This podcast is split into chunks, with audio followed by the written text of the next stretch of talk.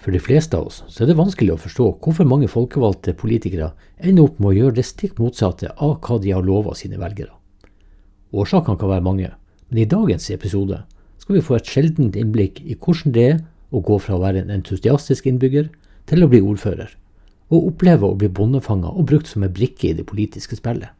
Vi skal få møte ordføreren i Dovre kommune, hun Astrid Skomakerstuen. Blir du noen gang oppgitt og fortvilt over våre politikere, og føler at de både lover og lyver, og tenker at det hjelper jo ingenting uansett hvem du stemmer på? Eller er du kanskje folkevalgt sjøl, men syns at det er vanskelig å innfri de valgløftene som du har gitt dine velgere? På denne podkasten snakker vi om demokrati og folkestyre, på en folkelig måte, og deler kunnskap, erfaringer og praktiske tips som gjør at det vil bli enklere for deg å påvirke samfunnet der nettopp du bor, også selv om du ikke ønsker å bli en politiker sjøl. Hvis du går til www.suskon.no, og det staves suscon.no, så kan du for kun 50 kroner laste ned en video som enkelt forklarer hvordan kommunedemokratiet fungerer, samt hva som er viktig for at et lokaldemokrati skal fungere godt. God dag, Astrid, og hjertelig velkommen skal du være. God dag. Takk for at jeg fikk lov til å bidra på dette her. Det er veldig spennende. Ja, du, men du har jo en uh, mildt sagt spennende historie å fortelle. Om ikke akkurat så lystig, så, uh, så, har du opplevd en god del ting som, som, uh, som, vil være interessant for mange andre å høre på.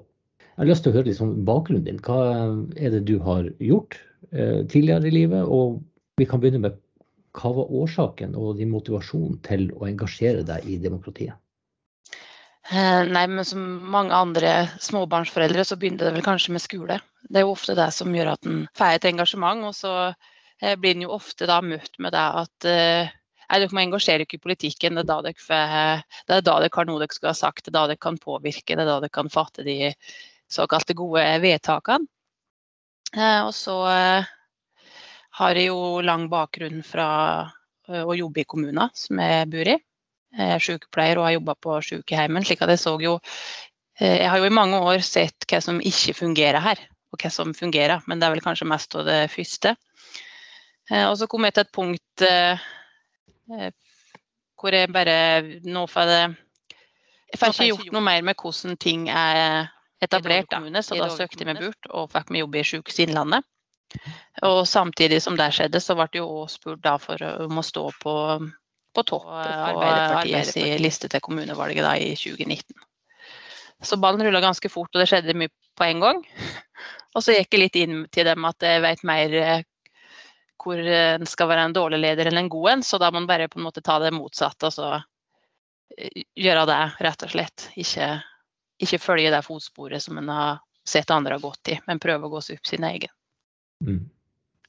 Når meldte du deg inn, sa du, i, eh, i partiet?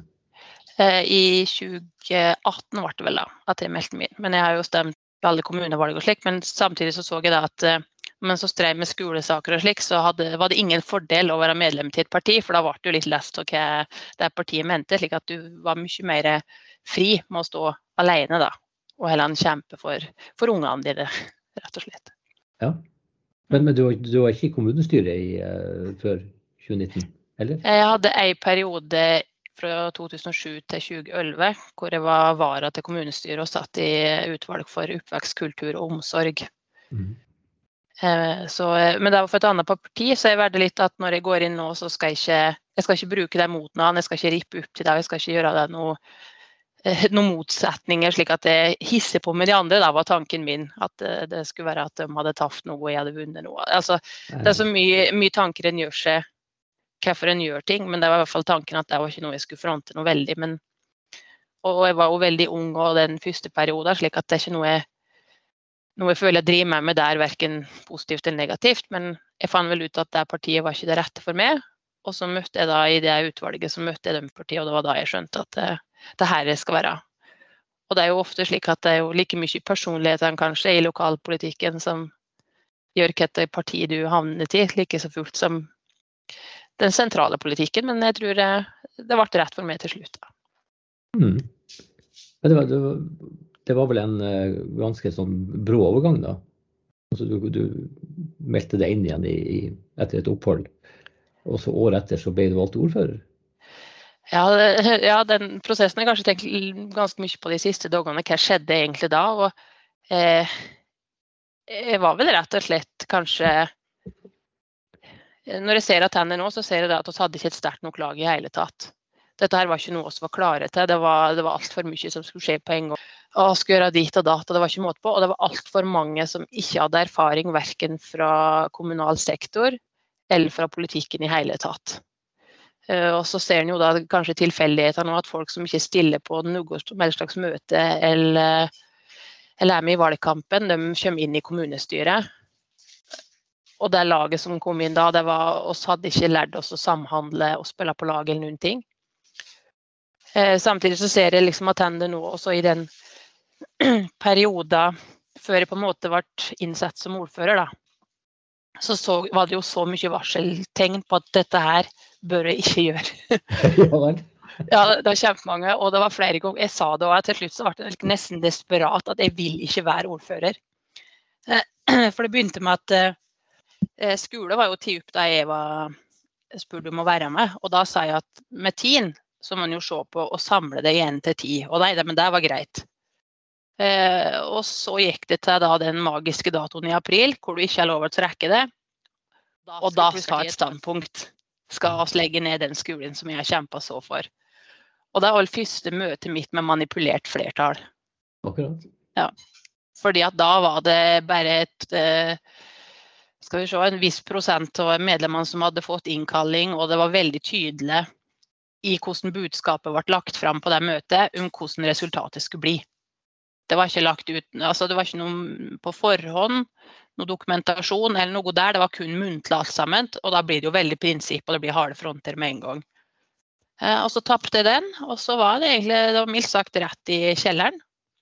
Var ikke forberedt på den i det hele tatt. Eh, og så ser jeg òg at alle dem som har tid på seg å gjøre forskjellig i valgkampen, og ordne program og ja, Det var ikke måte på alle planer de hadde. De reiste på ferie. Så da, og det var helt uh, hugsotløse, som man sier. da. Og så ble det til at jeg bare i hurten og styrten syntes jeg at man ha et program. Så jeg tok litt like ansvar, og da ble det litt slik etter hvert at ballen bare rulla. Du tok, du tok ansvar rett som det kom, da. At det var det du fokuserte på. Og fikk til stands, og det ble egentlig Ja, det ble egentlig helt greit. Um, ja, det måtte jo det. Jeg tror jeg ja, ja. med alt. ja, ja. Og så kommer vi da til den valgkvelden. Og så sitter vi i lag alle sammen, og så um, Eh, er det tre da parti, tre til fire parti som får like mange mandat i kommunestyret. Og så ringer da det ene partiet som har sittet med makta i 24 år, de ringer til vår da, eh, hva skal jeg si, partileder, som ikke har noe erfaring og ikke jeg vet ikke om Han forstår ikke kommunal sektor, og så blir det veldig rar stemning med en gang. Nå ringte de, de vil ha møte og skal se på hvor vi skal samarbeide. Og fra den stunden så følte jeg meg fanga til et spill som jeg ikke Jeg hadde ingen rolle til det overhodet. De forhandlingene pågikk over hodet på meg. Jeg fikk beskjed om at jeg kunne være med på forhandlingene, men jeg fikk ikke lov å si et ord. Nei vel? Som kandidat? Ja, nei, det ikke, dette skulle andre gjøre for meg. Og da satt det da, spesielt ett møte. Da satt oss, det var fire fra mitt parti. Eh, jeg var den eneste med politisk erfaring som hadde sittet i kommunestyret, eller altså vært aktiv i politikken og slik. Og så sier da, der sitter da på andre sida av bordet så sitter da tre-fire eh, hardbarka, erfarne eh, tidligere Ja, det må, det må ha vært med mange år. Ja. Og så husker jeg å si det hun ene at kan hun stole på at Astrid ikke lager bråk når vi legger ned Dovre skole? Og ingen av mine sier nuggen ting. Du verden. Og liksom, hvor går du videre fra der? For du er, du, du er allerede der at du er du har jo ingenting du skal ha sagt. Jeg, jeg så på han ene, og han hadde nok veldig ilt om en på andre sida av bordet. Altså, for da kjente jeg bare at nå sprenger tårene. Og jeg sa det etterpå det møtet at jeg vil ikke være ordfører. Dette, her, dette går ikke. Jeg vil ikke være det. Dette blir ikke bra. Og jeg ble jo bare ignorert. Det var liksom som Dess mer jeg sa det, dess hardere ble på at ja, du skal være. Og så var det jo et medlemsmøte hvor de var tvinga til å gå i hop med det andre partiet. da. Og etter det så var vel eh, hva skal jeg si da, all hell loose. For det var jo ikke det som hadde vært planene tidligere. Her hadde, og det var da en forsto at eh, kanskje fra før jeg ble valgt som ordførerkandidat, så hadde det vært en plan på hvordan ting skulle ende opp. For dem som har sittet så lenge, de visste da at de fikk det flertallet neste gang, og var avhengig av et parti og hvor bygges. Og, og, det er jo det en kanskje ikke ser før en har liksom vært ute i perioder, at en fått det litt på avstand. At en ser at en bare er et brikke i et spill som egentlig har pågått. Du har ikke hatt muligheten til å påvirke det samme hvor mye du har prøvd å begrunne eller ropt eller altså, grine. Altså, jeg prøvde alt, og det, det var ingenting som gjorde det. Og som sykepleier er jeg jo vant med det at alt jeg gjør, skal jeg kunne begrunne. Og det har jeg vært veldig nøye med nå. At liksom, jeg skal kunne vise til vedtekter, jeg skal kunne begrunne hvorfor jeg gjør det. Om jeg oppfører meg dårlig, så skal jeg nok kunne innrømme det, men jeg skal i hvert fall ha en begrunnelse for det jeg gjør. Mm. Og det gjorde ingenting.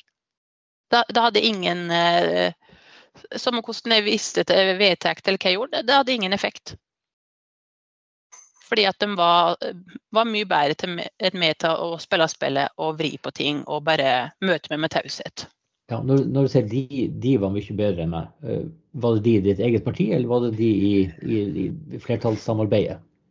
Eh, eh, og gikk jo inn i et samarbeid hvor disse i mitt parti hadde på en måte det Hvor skal en si det, da?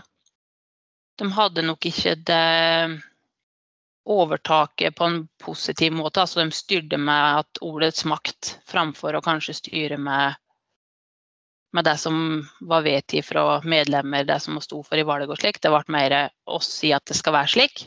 Uansett hva dere begrunner med, så skal det være slik. Og det, det var jo ikke et De velger jo å fortsette samarbeidet, men det, det er ikke et sunt samarbeid. Der er det underdogen, og så er det partiet som på en måte styrer på. Og så må man jo jeg må være veldig tydelig på å si at det der handler jo ikke om at dette her er arbeid og dette er stigmatiserende, det er slik det er. Men slik er det her, da.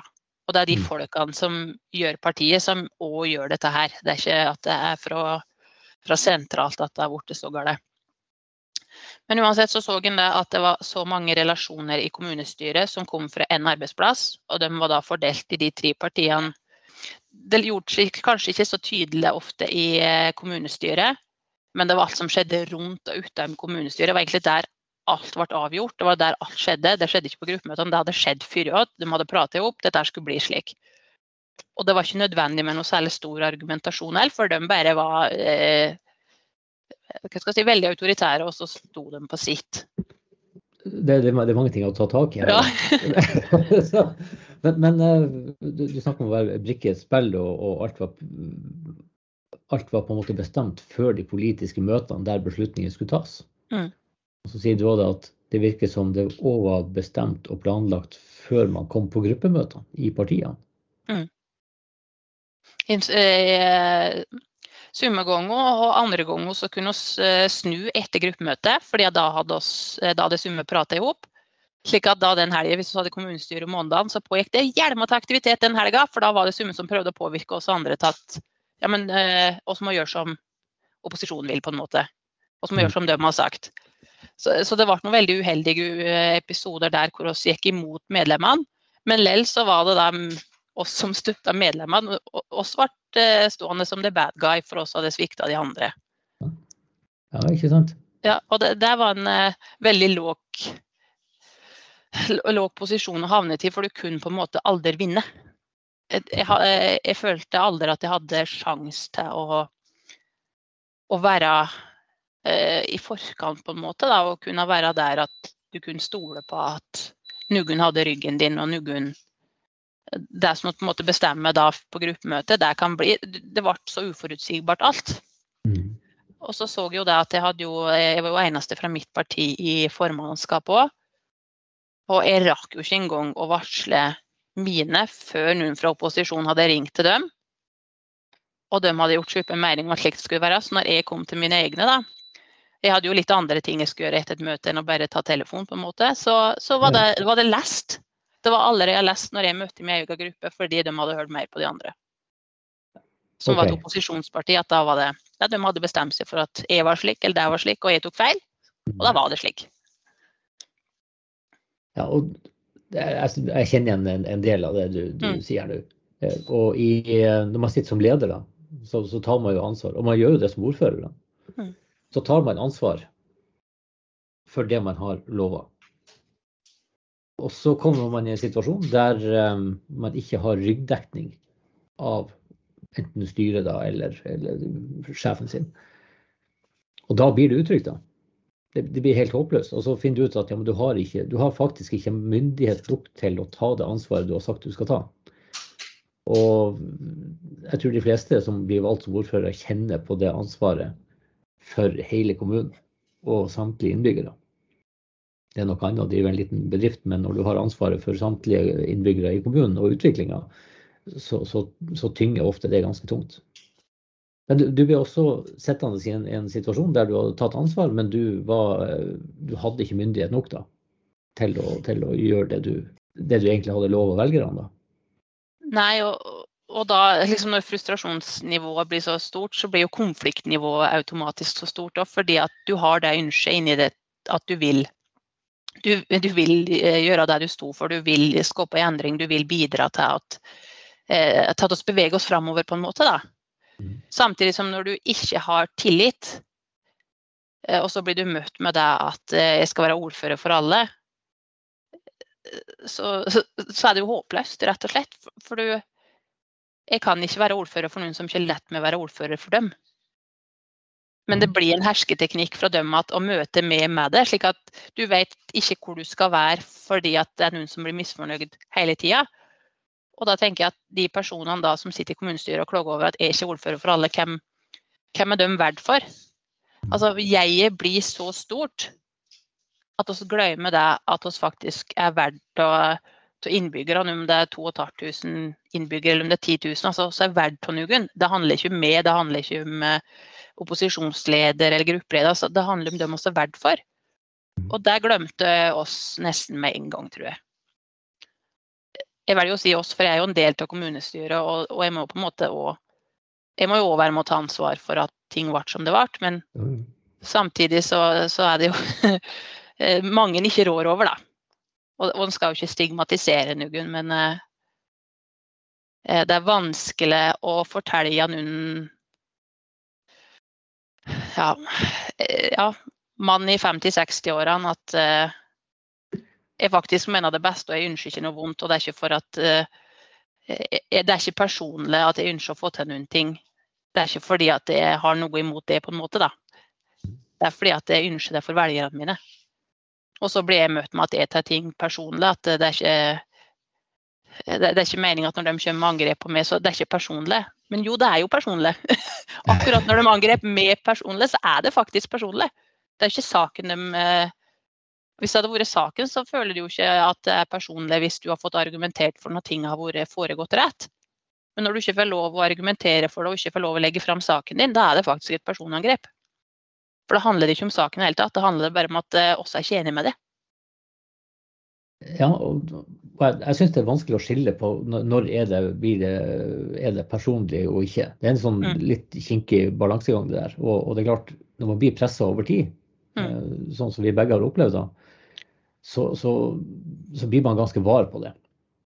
Hvis jeg tenker tilbake, så er det sånn at uh, når politiske motstandere går til angrep å bruke det ene eller andre argumentet med at eh, ja, men du, du har feil og jeg har rett osv. Så, videre.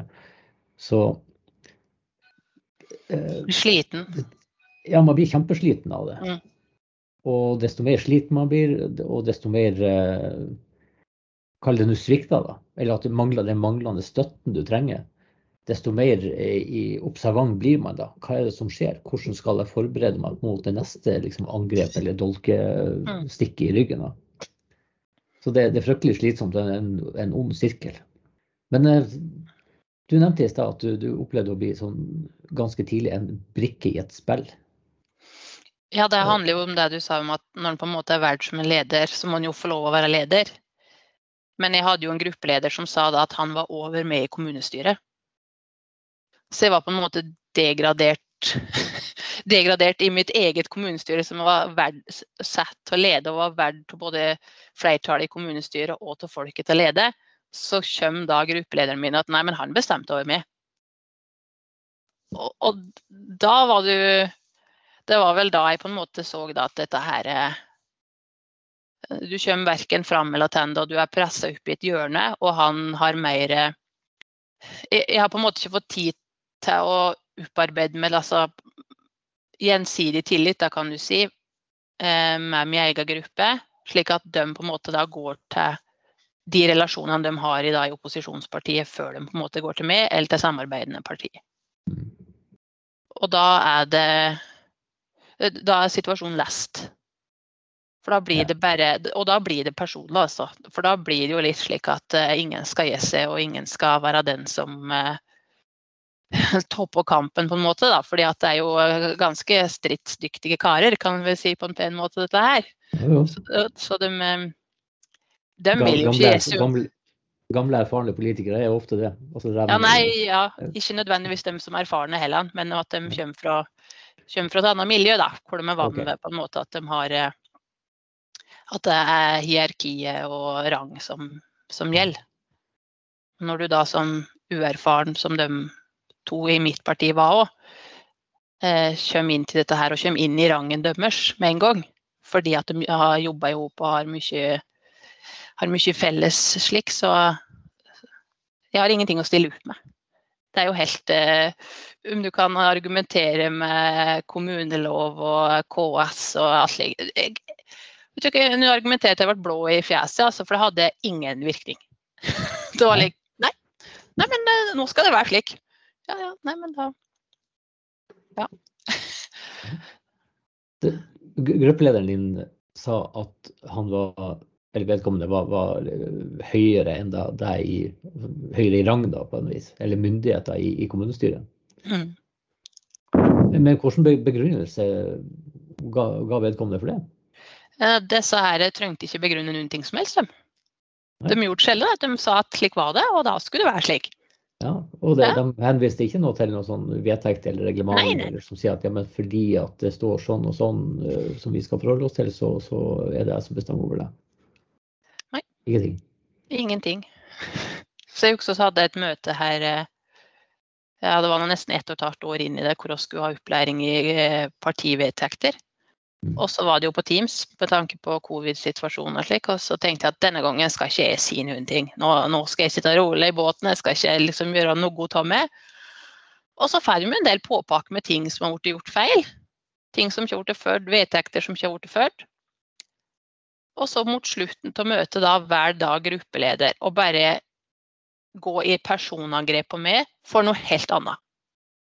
Så alt som har skjedd opp til da, hvor er meg som føler at å, endelig feil ikke støtte, endelig liksom er det noen partisekretæren sier at det er slik det skal være. Ja. Og så bare Ja, men Astrid, hun er liksom Og da bare er det rett på med en gang. Det er skikkelige pitbull-angrepet, og ingen sier noe. Partisekretæren hun sier at ja, men dette blir politikk, så dette har ikke hun noe med melder seg helt ut slik. Og partilederen hun sier ingenting. Og det er helt stille. Og jeg er jo slik at dette her, jeg, jeg vet jo da at nå, det er ikke vits å si noen ting, for oss kommer ingen vei. Og han vil egentlig bare lukke meg på. Så det, så det, skjer ingenting mer. Og så prater jeg med hun, eh, partilederen vår etterpå, så sier jeg men hvorfor, når dere vet dette var feil, hvorfor var det ingen for, som forsvarer meg? Ja, men jeg skal være leder for alle. Så, så da burde noen andre vært med på møtet og forsvare det. Ja, men jeg visste ikke at jeg trengte å forsvare oss. Jeg visste ikke at det var et tema at jeg må ha med, med, ha med bodyguard på, eh, på Teams-møte. med, med ditt eget parti? ja, den, den, den, eh, jeg så ikke den kom. Altså, da trodde jeg på en måte at nå Og når du skal begynne det på nytt, altså jeg vet ikke hvor mange ganger vi begynte på nytt, så fem-seks ganger, og er lell feil for dem, så, så kommer vi jo ingen vei. Nei, og man kan jo liksom lure på hva, ja, hva er motivet, da? Og hva er årsaken til at ingen tør å si noe og backe opp ting og erkjenne at man har gjort feil når det på en måte blir opplest i, og står i klartekst på, på veggen? Eh, er ikke det et sånn kjennetegn blant folkevalgte at det er litt den utryggheten på et vis som gjør at folk ikke tør å stå opp for ting som er urett? Eh, man tør i liten grad å si det man egentlig mener. Eh, jeg har en litt sånn følelse av at eh, som folkevalgt så sitter man ofte i den situasjonen. Og spørsmålet er hvorfor er det sånn? Hvorfor er demokratiet rundt om i kommunene f.eks. bygd på en sånn måte at det er liksom litt utrygt å stå opp for sine egne meninger? Det er jo faktisk stikk i strid med det demokratiet skal være, tenker jeg. Og jeg tror det er det som er kjernen nå til hvorfor en må endre dette. her. Hvorfor tør ikke folk å si ifra?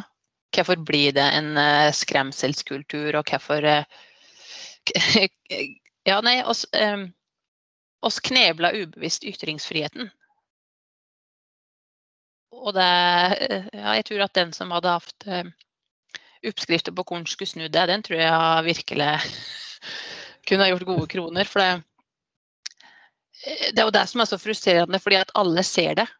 Alle ser at dette her ikke fungerer. Alle ser at eh, den og den tør ikke si meningen sin, og, og, ser at vi har feil alle sammen. Men, men vi skal på en måte ikke gå til det punktet hvor alle skal erkjenne at vi må gjøre noen ting. Vi bare fortsette i det. For det handler jo like mye, i hvert fall i små kommuner, så handler det like mye om makt. Å beholde makta og beholde posisjon, mer enn å utføre endringer eller å føre god politikk eller de gode sakene. Det handler om dette her bare å keeping up appearance. Dette her eh, Det var som jeg sa, en eh, veldig god venn til meg sa da at eh, nå før du blir før du blir innsett som ordfører, nå så skal du stille deg i spien og så skal du si alt var bedre før. Og så skal du gjenta det helt til du ikke gjør noe ansiktsuttrykk mer. For det er den du kommer til å bli møtt med i fire år. Alt var bedre før. Og så til slutt så blir det jo bare jeg husker liksom, eh, Siste kommunestyret mitt, da, du, da kunne de vedtatt og lagt ned hele kommunen. For da, da brydde jeg meg rett og slett ikke, altså. Da var jeg så ferdig at jeg bare Jeg har ingen, jeg har ingen funksjon her. Jeg har ingen Altså, jeg, jeg har ikke noe lag, jeg har ingenting. Altså, jeg bare jeg sitter her og er møteleder. Det kunne hvem som helst gjort. Mm. Det trenger en ikke ha et verv for. Og da, og da bare Du var bare resignert. Ja. ja. Men når det storma som verst i min periode, mm. så gikk jeg jo litt sånn som du gjorde. Gikk inn og så ja, men hva er spillereglene her? Hvilken myndighet har jeg? Hvilken myndighet har de andre? Hva, hvordan skal demokratiet faktisk fungere? Og da, da, så jeg jo det at en ordfører har ikke så veldig mye mer myndighet sånn formelt sett. Man er møteleder, og, og man har stemmetall og forslagsrett. Og den eneste forskjellen, sånn som jeg fant ut eh, sånn umiddelbart, det var at man hadde myndighet til å sette dagsorden og innkalle til møter. Utover det så har man i utgangspunktet ikke noe mer myndighet enn andre i kommunestyret. Men samtidig så, så hadde jo jeg en forventning, og ut fra det du forteller òg, at når man blir valgt som, som, ordfører av et parti, altså man skal være kandidaten og da blir valgt, så forventer man jo at man har backing i eget eh, parti, eget lag, på det vi har gått til valg på, eh, valgprogrammet. Det er de sakene som vi, vi skal stå inne for. da. Uh, og så snakka du i stad om, om, mistillit, hvis du begynner å få en sånn mistillit, og så eskalerer det her. Og jeg tror at Eller jeg opplever sånn at når det er utrygt i demokratiet, sånn generelt sett, og folk kvier seg for å si meninga si, så blir det veldig fort uh, høyt konfliktnivå.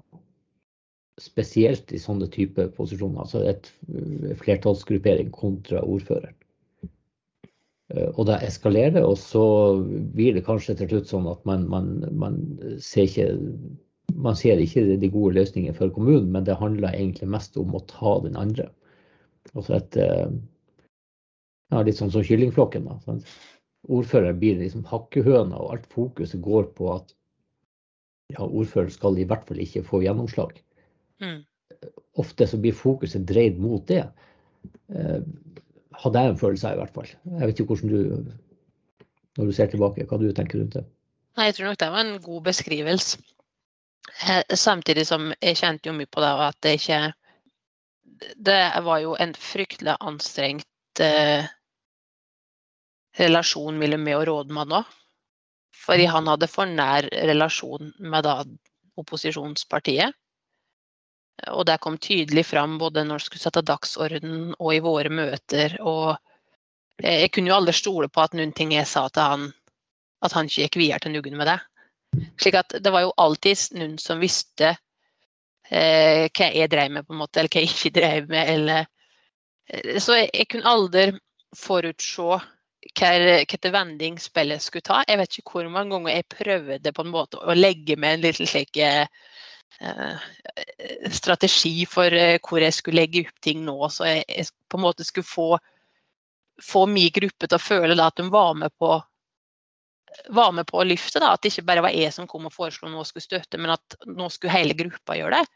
Men jeg rakk jo aldri komme så langt noen gang. Altså, hver gang så var det bare realiteten i fleisen. Og ja, men vi vet på en måte at du prøver å, å gjøre slik og slik. Ja, men jeg har, jo, jeg har jo informert dere, spesielt med den eh, rådmannssaken som på en måte ble så veldig kjent, da, hvor jeg var veldig åpen eh, med fra begynnelsen av at relasjonen med meg og rådmannen fungerte ikke. Han fungerte heller ikke for Dovre. Han gjorde ikke den han ansatt til. Og det, var, det er veldig mye gnisninger blant ansatte og alt slik som han ignorerer. Og dette var jeg veldig tydelig på fra første stund med min gruppe. Dette her fungerer ikke, dette fungerer ikke, dette fungerer ikke. Og de var helt lest, fordi at opposisjon, det ene opposisjonspartiet, var da, eh, har så fordel av den rådmannen. Om han gjør en god jobb eller dårlig jobb, totalt eh, likegyldig. Men de fikk informasjon fra han, førstehåndsinformasjon. Og ikke alltid jeg fikk den informasjonen engang. Mm. Og, og da, eh, da, gikk jo den, ikke sant. Det gikk via og rundt. Og det var, eh, så de fikk jo tak i informasjon ofte før jeg, fordi at de hadde relasjon til opposisjonspartiet som hadde til rådmann. Mens jeg fikk ikke vite noen ting til rådmann. Og når du på en måte da eh, innser den i kommunestyret etter kommunestyret at eh, Men hvordan vet dere det når jeg vet det? ja. ja så, så, det er jo parkert. Eh, og så ble det jo til det at da eh, begynte jeg å samle ting på han og tenkte at jeg skal gjøre det veldig grundig og nøyaktig. Og så ble det en liten slik uheldig situasjon i midten av det, men det, som jeg pratet med han om hva jeg skulle gjøre. Da, da var jeg så på ærlig at dette her fungerer ikke, rådmann. Hva skal jeg gjøre? Kan du vurdere sluttavtale? Ja, det kunne jeg. Så får han det. Ja, men da, da den den mellom oss, for jeg vet at jeg har flertall i min gruppe for det, for de har sagt de skulle støtte meg da. Eh, og jeg hadde uansett skaffet meg et flertall utenom dem, for jeg vet jo hvor de er, så på en måte jeg hadde prata litt rundt. Eh, og så tar han da den avtalen og går rett til opposisjonen med den. De vet om den med en eneste gang. Og det er et forslag som jeg fikk da KS til å hjelpe med å skrive. en eh, Områdeadvokaten i KS skrev den for meg. Mm. Og så la han fram. Alt var i samråd med advokat. Og så går han da rett til da tidligere ordfører og opposisjonsparti. Og se hva jeg har fått, da! Nei, denne må du ikke finne på å ta. Denne, og, og det ble altså så leven. Og så Ja ja, så var det jo jul, da. Så tenkte jeg at nå får en bare Ja, nei, nå har de sagt at vi skal prøve, så nå skal vi prøve. Og da delegerte rådmannen til personalsjefen å finne megler mellom oss. OK. Ja, så, så, da var det plutselig altså, Det var så mange som på en måte hadde noe med den relasjonen vår å gjøre hele tida, at eh, nei, nei, ting, eh, eh, Du kunne aldri forutse hva som skjedde. Og så kommer da og skal ha megling, så er det jeg og rådmann, og så er det jo da eh, direktøren i KS Innlandet som skal megle og oss er jo helt fastlest. Det er jo det jeg har sagt hele tida. Han vil at jeg skal bli slik som uh, han vil det skal være, og jeg vil være meg sjøl. Å beile meg sjøl er faktisk det siste og eneste jeg har her. Ja. Uh, og, og det, det, går ikke. Nei. Så uh, jeg hadde jo flere møter og, og prøvde å helle ting på en veldig Og, jeg, og hele tida så grunnga jeg hvorfor det ikke fungerer. Jeg hadde konkrete eksempler. Han hadde bare det at jeg var ikke nok, eh, nok, til stede for dem i administrasjon. Det var liksom det han gjentok bare. Jeg var ikke nok til stede for dem. Men jeg vil forholde meg bare til det rådmannen sier. Det er det jeg har sagt hele tida. Og der står det i kommuneloven òg. Jeg vil forholde meg kun til det, og du vil ikke det. Da har vi jo allerede en mixmatch der. Og så I tillegg til alle disse her forskjellige Og så kommer det til det at uh, han i KS sier at nå må vi bare vil du ta imot en sluttpakke, rådmann? Ja, nei, det vil han da vurdere. Og når du ikke trodde ting kunne bli verre enn det var da førre runde, så ble det faktisk det. Ja vel. Så da fikk jo rådmann ledergruppa si til å skrive et mistillitsbrev mot meg. Uten at de visste hva situasjonen eh, var for noe. Fordi at jeg helt av den uh, grunngivingen vil ikke ta opp før oss var i kommunestyret, slik at begge to kunne være der og si, uh, få begge sine sider. Mens han da kjørte på med si side, at det var jeg som var problemet, og mistillit fra ledergruppa. Og, eh, jeg, jeg, var ikke en av hans ansatte. Og jeg, jeg fatter ikke hvorfor jeg fikk den mistilliten, og at han var den for dem, han som var en så bra en leder. Det, det var jo ikke derfor jeg hadde problemet. Nei. Og da, da, forstår jo kanskje ikke helt de i kommunestyret si rolle heller, at de på en måte må se det fra folkeverdssida. Men da går de òg inn i den at ja, men administrasjonen sier at hun er helt håpløs. Herlighet. Da, da er det hun som er problemet. Ja. Da, da har de oppnådd den, den, kritiske massen, vet du. Ja, ja. Altså det, det, er mange nok litt over altså Det virker som det er over halvparten som mener en ting. Da er det nok sant. Ja, ikke sant. Ordets makt. Ja, ja. Nei, det var, det var veldig spesielt. ja, det, det, er så mange ting du forteller som, eh, som er gjenkjennbart. Mm. Og følelsen av frustrasjon. Eh, men jeg, har lyst til å gå tilbake til eh, Du sier at opposisjon eller andre i kommunestyret på en måte styrte rådmannen bak ryggen din. Mm. Opplevde du det sånn? Ja, i aller høyeste grad. Og det kom jo ofte fram. Fordi at Eh, det, det var jo tydelige ting som rådmannen var negativ til at oss skulle gjøre, eh, som da plutselig en i opposisjon hadde fått eh, gjort. Ja, men du sa jo til, og Da konfronterte jeg rådmannen med at ja, men du sa jo til meg det motsatte. Ja, ja, nei, men det var liksom bare Nei, det gjaldt til feil, da. Jeg, jeg, jeg, har sagt det hele tiden. Altså, det var hele, det hele tida slike her, små, korte setninger eh, for å bare slik eh, Eh, jeg hører hva du sier. Det var slik gjentagende 'jeg hører hva du sier'. Men jeg bryr meg ikke en tøkk om nei, nei, rett og slett. nei, for, for, for, på en måte, Jeg bryr meg ikke om hva du sier, fordi at jeg vet at jeg har det reelle flertallet i ryggen. Ja, og det, det var han tydelig, og det sa han en gang. Og har egentlig, og, og det brukte han mot meg faktisk. Da strev med dette og skulle prøve å finne en relasjon. Så sier han da liksom at ja, men ordføreren har ikke faktisk flertallet bak seg. Nei, men, men, og, da ble, og, da ble, jeg overraska. Men har ikke det eller, Jeg hadde vel på følelsen, men han sa det på en måte. Var den første som sa det. Men ordføreren har ikke flertallet. Og da ble det legge, men hvor vet du det, kjære rådmann? tenkte jeg etterpå. Hvor kan du så, så det, Og en hørte jo om hemmelige møter mellom han og Da jeg fortalte etter, det etterpå og konfronterte med hvorfor han hadde hemmelige møter med opposisjonslederen. Og de var observert på forskjellige plasser hvor de på en måte møttes og det kunne jo vært sikkert uskyldig, men når situasjonen er så betent som den er, så er det fryktelig uheldig til en rådmann å gjøre slik. Men jeg da, at han i hvert fall eh, som ansatt burde vært den som leda an og førte ryddighet. Kjempeviktig. Og, og, kontaktpunktet mellom politikk og administrasjon er jo mellom ordfører og rådmann. Det, det er jo ikke det at uh, ingen andre skal kunne prate med, med folk uh, i administrasjonen, men men formidling av et politisk vedtak går fra ordfører til rådmann. Mm. Og hvis flertallet i kommunestyret er misfornøyd med måten ordføreren kommuniserer det på, så får de ta det opp i kommunestyret, tenker jeg. Mm. Ta det opp som sak. Det kan flertallet gjøre. Og så får man diskutere om man har eventuelt gå til en, en mistillitsforslag mot, uh, mot, ordføreren. Det er den ryddige måten å gjøre det på. Mm. Men både i dette tilfellet og det som eh, jeg opplevde, er det at man gjør ikke det. Man går heller og styrer rådmannen bak ryggen på ordføreren. Og da er man i en håpløs situasjon. Og når det da blir eh, fokuset blir å omgjøre å sparke bein på ordføreren, så mister man fokuset på det som kommunestyret skal gjøre. Fatte vedtak for å utvikle kommunen. Og den andre tingen som slo meg etter hvert, at de ressursene man bruker på ordføreren gjennom fire år, det blir nesten helt bortkasta. Alt fokuset, alt det som betales i godtgjørelse, i reisekostnader, altså alt, alle utgiftene som går til en ordfører, som er en kjemperessurs egentlig, det kaster man bare på båten. Så la oss nå si at for å ta veldig forsiktig i, så er det i hvert fall en million i året på en ordfører. Altså uten å blunke. Sant? Kanskje en og en halv, hvis du regner med alt.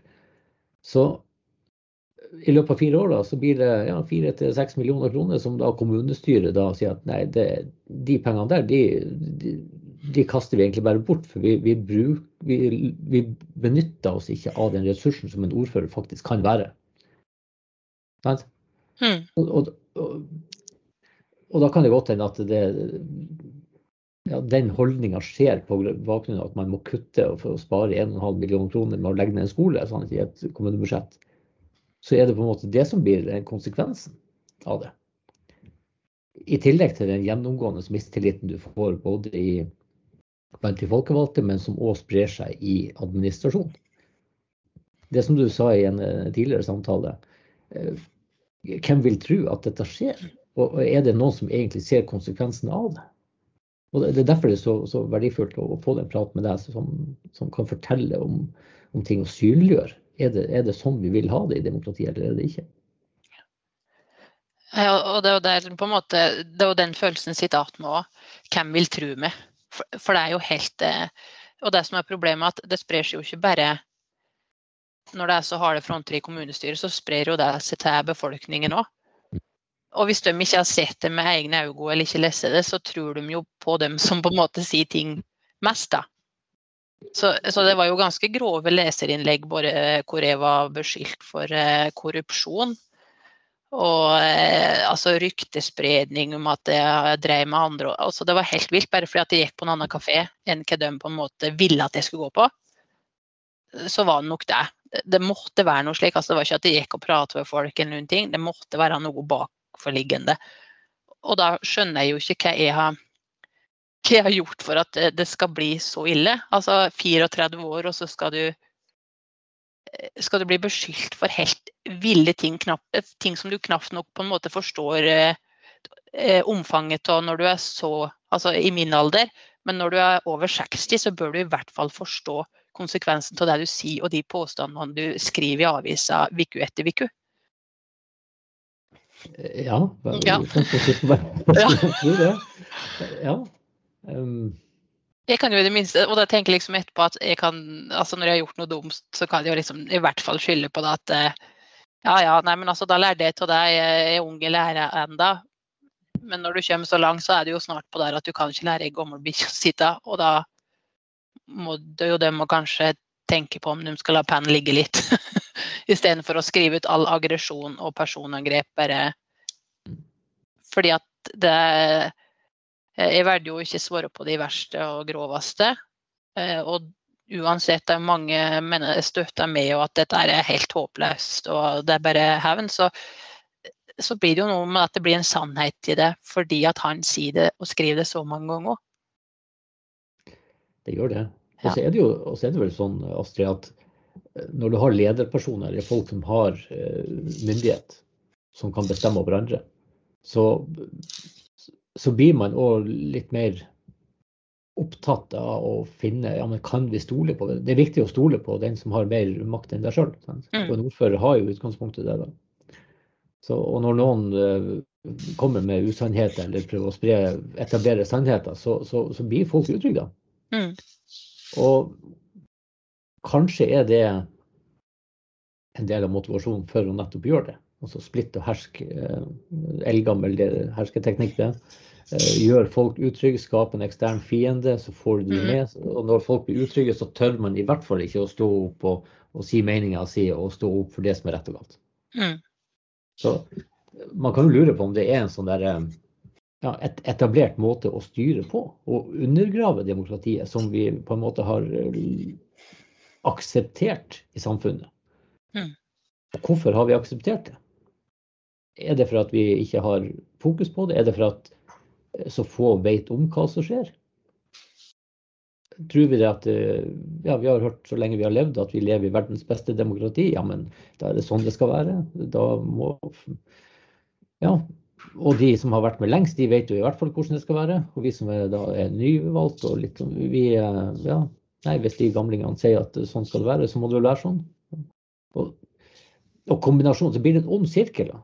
Blir, vi, vi, ser at det er galt, men vi, vi, er for utrygge og vi har kanskje ikke innsikt nok og kompetanse nok til å, å stå opp og gjøre noe med det. Hva du tenker du om det? Nei, og jeg, jeg, tror det er slik også samtidig som hvis du sier imot den etablerte meninga, eh, så vil de jo slå tenner på det sjøl, og det er jo ingen som ønsker det. Med mindre du er ganske hardhua og er ganske beng, så, så, er du ikke sterk nok til å stå imot det presset. For, fordi det blir jo et massivt press, og du blir jo på en måte så veldig synlig. Og det ser en jo eh, bare nå er jeg med i et idrettslag òg, hvor mange som ikke tør å bli med oss liksom, i vigga fordi at du er redd for å stikke det fram. Altså i lokalavisa, du er redd for å stikke det fram, ikke sant? Mm. Og, og, det handler jo egentlig ikke om at dette er jo tøffe personer òg, men da setter du deg i en posisjon at du kan angripes. Og da er det jo den etablerte eh, kulturen som er problemet. For at folk, altså, Da hemmer du ikke bare ytringsfriheten, men du hemmer folk generelt, og du hemmer demokratiet. Altså, det er så mange ledd nedover som blir hemma. Og at da de som eh, Jeg vet ikke hva betegnelsen skal bruke på, men som misbruker demokratiet så kraftig, da. At de ikke forstår hva de driver med fordi at jeget er så stort. Altså at eh, min makt, eh, min posisjon, mine meninger. ikke sant? Det er jo den det blir. Mm. Og så har du egentlig da putta kanskje 60% av befolkningen bak eh, eh, døra si, og så vil de ikke gå ut. For at med en gang jeg åpner døra, viser meg fram, oh, da kan de angripe meg, og det, og det orker jeg ikke. Det blir så ubehagelig for meg sjøl. Og det skjønner jeg veldig godt. Ja, det gjør det. Ja. Og det, har jo, og, det, og det kjente jeg jo på allerede før jeg gikk inn i politikken. Og i forhold til den skolesaken, så kjente jeg jo allerede på det at jeg stakk meg fram. Jeg sa meningen min og helt på mitt. Og da var jo den som var ordfører da, reiste jo på guttetur med deler av administrasjon. Og der liksom, noe av det de diskuterte, var hvor skal oss knekke Astrid?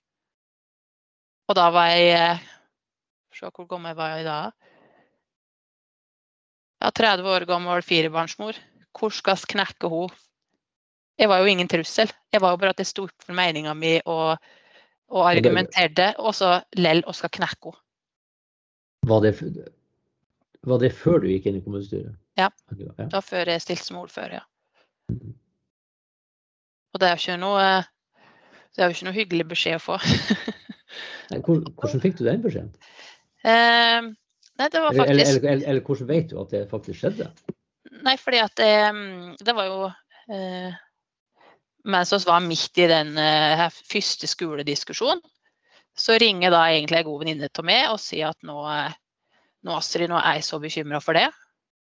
For nå har jeg vært inne som rektor på, på, den andre skolen, og han har da vært med på den gutteturen. Og han har da sagt at han var litt bekymra, han òg, for nå hadde da ordføreren sagt at uh, Astrid hun skulle knekkes. Og så er det jo litt slik at eh, Grunnen til at jeg tør å si det nå, er jo fordi at vedkommende bor jo ikke her lenger. Og, og eh, hun var jo redd hun for at det skulle ramme henne, men samtidig så var hun så redd for meg og vi at jeg skulle vite det. Og det var vel da først jeg skjønte hvor rett og slett bedriten oppførsel det var av mange. Og hvor, eh, hvor innfløkt og dysfunksjonelt forholdet mellom administrasjon og politisk ledelse var. Mm. For der burde noen faktisk, altså når du sitter av fire voksne karer, så bør det være en som sier at vet du nå, dette her kan vi ikke diskutere, dette er helt feil, og ingen velger å si noe. Og da blir det jo en sannhet, ikke sant? Ingen sa noe. Da er det der sitat med etter den turen. Litt sånn tilsvarende erfaring. Jeg satt på et uh, møte med, med fylkesmannen, der alle ordførere og rådmenn var. Og Så tikka det inn en melding på telefonen min, og der var det møteinnkalling til formannskapet. Så tenkte jeg det var da merkelig, for jeg har den jo ikke sendt ut. Og jeg vet jo det at jeg er den eneste som kan Jeg da som ordfører er den som har myndighet til å innkalle til formannskap. Men da var det varaordføreren som hadde gjort det. Og rådmannen som satt ved sida av meg, hadde jo da effektuert det her. Og da lurte jeg på hva i all verden som skjer. Jeg skjønte hva årsaken var, fordi at uh, mitt eget uh, altså flertallet i kommunestyret hadde bedt meg om å innkalle til formannskap. Men da sa jeg at det gjør jeg ikke før rådmannen har lagt fram den jobben i den saken som at den er klar til å behandles. Så da fikk jeg innkalling, og så visste jeg jo umiddelbart at dette er jo ikke lov. Så sjekka jeg med juristen hos Fylkesmannen og sa nei, det er jo overhodet ikke lov. Så sendte jeg ut en melding til alle møtene, eh, de som var innkalt, altså formannskapet, og sa at uh, dette ikke et, vil ikke være et gyldig møte. Altså det er brudd med, i strid med kommuneloven. Og så tenkte jeg ikke noe mer over det. Men så fant jeg ut, fikk jeg referat fra møtet. De hadde møtt allikevel. De hadde protokollert at uh, nei, møtet var ikke lovlig, så de kunne ikke uh, gjøre noe vedtak der. Men i etterkant så kom det jo fram at når de først hadde møtt, så satt de da og hadde møte og snakka uformelt da med rådmannen. Og det er et sånt eksempel på at hvorfor står ikke folk opp Mm. når det er helt åpenbart galt, det er lovstridig. Men man sitter og så bruker man den muligheten, og så sitter man og prater uformelt. Og et, et møte mellom, mellom formannskapsmedlemmer og, og rådmann, det skal jo selvfølgelig protokolleres. Altså. Ja. ja, og i hvert fall når det ikke, når ikke ordfører er til stede. Ja, ja. Når det er gjort bevisst fordi at du ikke skal være til stede, så er det jo Da handler det jo rett og slett om å umyndiggjøre det som ordfører. Ja, men da styrer da rådmannen mm. under, under, den offentlige radaren. Mm. Så det umiddelbare spørsmålet er jo ja, hva ble egentlig avtalt der? Hva avtalte da flertallet i kommunestyret uoffisielt med rådmannen? Mm. Det lurte jo jeg på, og det ja. burde jo samtlige kommuner lure på da. Og, og det, det, bare forsterker den utryggheten som, som, ja. som, sprer seg gjennom hele befolkninga. For dette kommer jo opp i dagen, det kommer jo i mm. media, og her er det konflikt. Um, og sprer seg gjennom hele administrasjonen. Ja, så bare hvor godt eksempelet du sier om at eh, sjøl om det, det, er ingen respekt for det som ordfører. oss bare kaller inn møte, og så kaller det uformelt formelt. Spiller ingen rolle, bare oss får møtes og prata. For uansett så har jo Jeg vil jo tro at alle fikk møtegodtgjørelse for det møtet. Det er jeg usikker på. Det... Fordi at det, det, er jo noe med det at De bruker jo tida si på dette her uansett, så det er jo noe de sitter igjen med fra det møtet som ikke de andre får tilgang til, som ikke du får tilgang til. Ja, gjør det. Ja. Så det blir jo på en måte et lukka uh, Og det var litt slik som jeg opplevde her.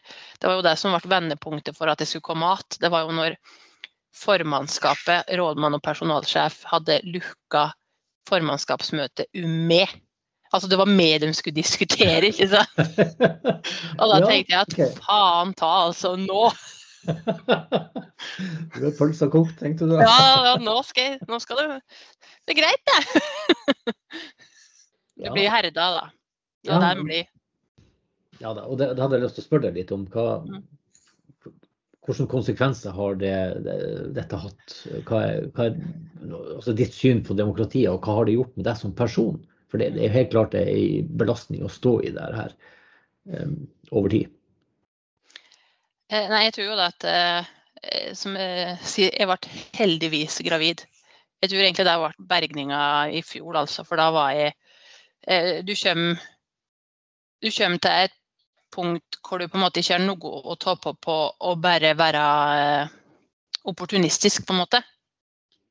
Og det er en veldig farlig posisjon å gå til, for da blir det, eh, da blir det en sannhet til det alle andre sier om det.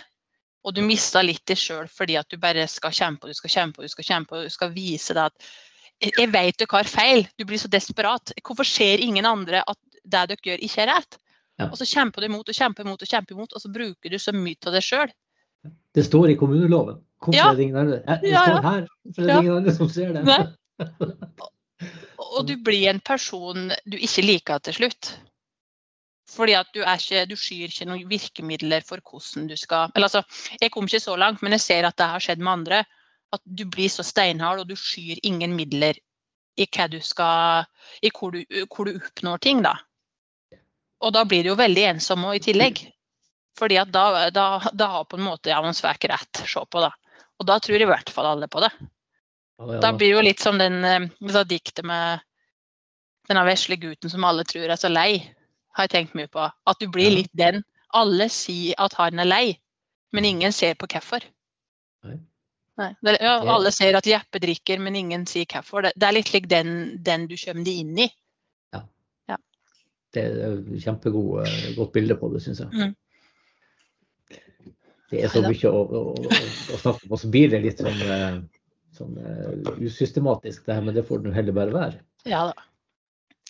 Hvis vi ser på Hvis vi tar opp igjen, altså, hva, har det resultert i? Altså, jeg opplever at vi har et demokrati der folk er utrygge. Mm. Vi har ikke myndige og ansvarlige ledere som skal stå opp og, og konst, på en konstruktiv, respektfull måte synliggjøre sitt syn. Og så tar man en, en ryddig, respektfull eh, diskusjon, debatt, få alle momentene opp, og så tar man et, en beslutning ut fra at, uh, hva flertallet da syns. Hva flertallet syns. Altså hver Mm. enkelt representant, tenker jeg da. Det vil være det ultimate demokratiet. Ja. Jo, men jeg er myndig. Ut fra det som er på bordet nå, så mener jeg ja eller nei til det forslaget. Og så tar man det beslutning, og så er det jo ikke alltid godt å vite på forhånd hva det blir.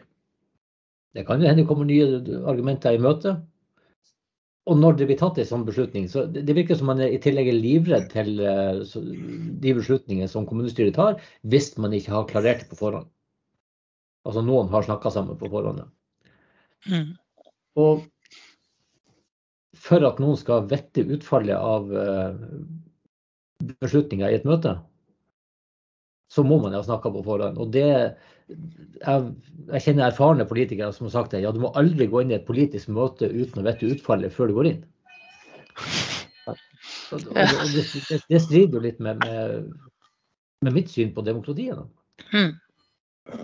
Så hvis folk er utrygge, hvis vi som er myndige og går inn i kommunestyret og skal ta beslutninger, for vi er valgt for folk stoler på oss Hvis vi da er utrygge, så, så tør vi liksom ikke å si meninga vår. Vi tør ikke å stemme for det vi egentlig tror på og står inne for. Og, og hva skjer da med hele eh, demokratiet? Hva, hvordan vil det være for de kommunalt ansatte når du har en ledergruppe? Du ser du har et kommunestyre, et styre, som da sitter der og egentlig er veldig usikker og ser i bordet og ser på gruppelederen stemme og så gjør sånn. Og, og som ser det her. Folk ser jo det. Hva, hva gjør det med hele de kommunalt ansatte? Hva gjør det med hele samfunnet? Tilliten til demokratiet? Mm. Men der kan jeg jo ta eh, hvordan da jeg jobba der sjøl, så hadde du jo ingen tillit til politikerne. Du hadde jo ikke noe formening om altså, noe håp i hele tatt. Du hadde ingen håp. Du visste jo aldri hva som kom. Det var like, hva slags innsparing blir oss tredd nedover hodet nå? Det, det var egentlig der, der det gjaldt, for at du var ingenting. Du betydde ingenting. Kanskje var det en gang iblant at hun sa ja, men alle Tenk på alle de gamle eh, og eldrebølgen. Men det blir bare ord. Og så blir de kanskje nedstemt, eller så er det ikke Jeg vet jo at før min tid så var det veldig mye glattliggjøring. At det var liksom store, barske karer som ikke tusja å gå på, eh, på talerstolen. De hadde forberedt seg fra gruppemøtet, prøvd å ykaste opp at dette skal jeg helle innlegget om, og så sitter de der, og så sitter disse andre og Nei, himla med øynene, ser på telefon, leser aviser på pad, ikke sant.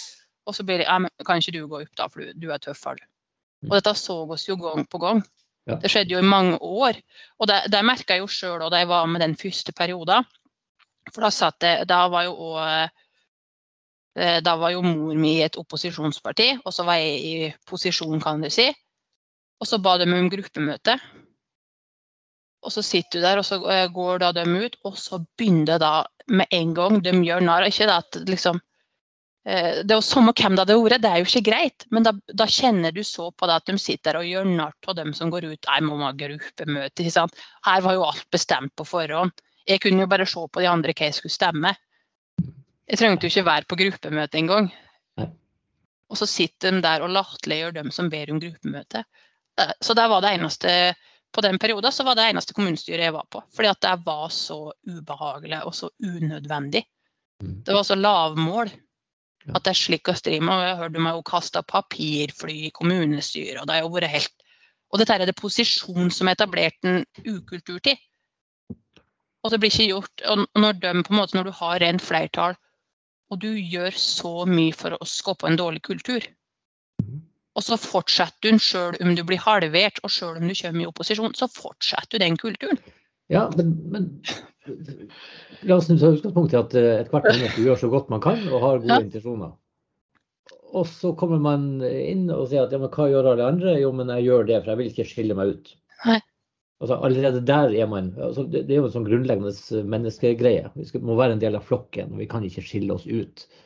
Og det er jo naturstridig opp mot et demokrati, tenker jeg da. Ja. Ja, men det er jo liksom for å si at eh, hvorfor være, være en del av saueflokken når du kan være bjølkue? Hvorfor er det ikke, som vil, hvorfor er det ikke flere som har lyst til å være bjølkue, tenker jeg. Nei, altså åtte av ti eh, ønsker og syns det er greit å bli ledet av andre. Det vil si at andre tar beslutninger på vegne av, av deg. Det er litt sånn statistikk på det. Og det du fortalte i stad, at man blir baksnakka når man går ut, det minner meg om en historie om et, eh, om et sånn symøte. Og Da skjedde akkurat det samme. Så var det ei som gikk, måtte gå først, og hun ble baksnakka. Og så gikk det neste, og hun ble baksnakka. Og til slutt så var det ei som sa nei, her, her skal jeg være det siste som går. For å unngå å bli baksnakka. sant? Ja.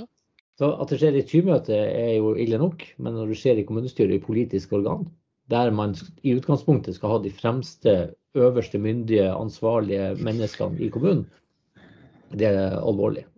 Og, og det skjer fryktelig mange plasser. Mm. Men tilbake til det, hvorfor har det blitt sånn? Hvorfor, hva er årsaken til at vi at så mange politikere da ikke sier fra om ting som er åpenbart galt. Enten opp mot lov, eller om det er mot folkeskikk, eller om det er mot grunnleggende verdier. Um, har du tenkt på hvorfor demokratiet har blitt sånn som det har blitt? Det er jo vanskelig å sette fingeren på, for jeg vil jo tro at det er mange forklaringer. Men jeg tror mye handler om redsel. Eh, At du på en måte er redd for å stå imot de andre. Altså at du har eh, Du har en som er såpass klar og tydelig og så god til å prate. At du blir redd for å si imot fordi at du ser at andre blir gjort narr av. Treff at dette symøtet. Den som sier data, den som ikke blir pratet om. ikke sant? Og det er en veldig lur taktikk, men samtidig får jo den nå veldig mye makt fordi den vet så mye om det andre. Og, og så blir det jo litt slik at eh, i hvert fall rundt, altså i små kommuner så blir ting så gjennomsiktig at det blir så lett å gå på person og kjøpe sak, og så blir det litt like Du blir veldig redd for å gjøre feil. Og- Og da vet du jo sjøl at du blir jo redd til ungene dine, du blir jo redd til familien din. For det er jo ofte dem som får i. Og det har jo jeg merka at ungene mine, altså selv om de ikke er så gamle, så, eh, så får de jo eh, De får jo merke at moren deres er ordfører. Og, det er jo ikke noe, og der skjønner jeg jo at andre blir redd. Det er klart, det.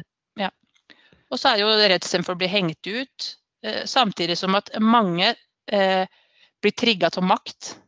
Og til det å bli sett, til dette å ha en posisjon og, og føle seg spesiell da, og verdsatt, selv om det er på en fryktelig usunn måte, og selv om det er på kompromiss med deg sjøl så mange ganger, så, så blir du sett, og du er en del av fiffen, av den indre kjernen, og du eh, Ja, nei, altså Nok en gang jeget blir, blir, blir styrka, da. Ja, og, og, og dette er jo på en måte symptomer på at noe er, er galt eller Mm. usunt. da.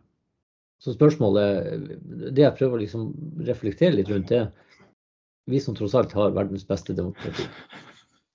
Det har vi hørt siden jeg var liten gutt. Mm.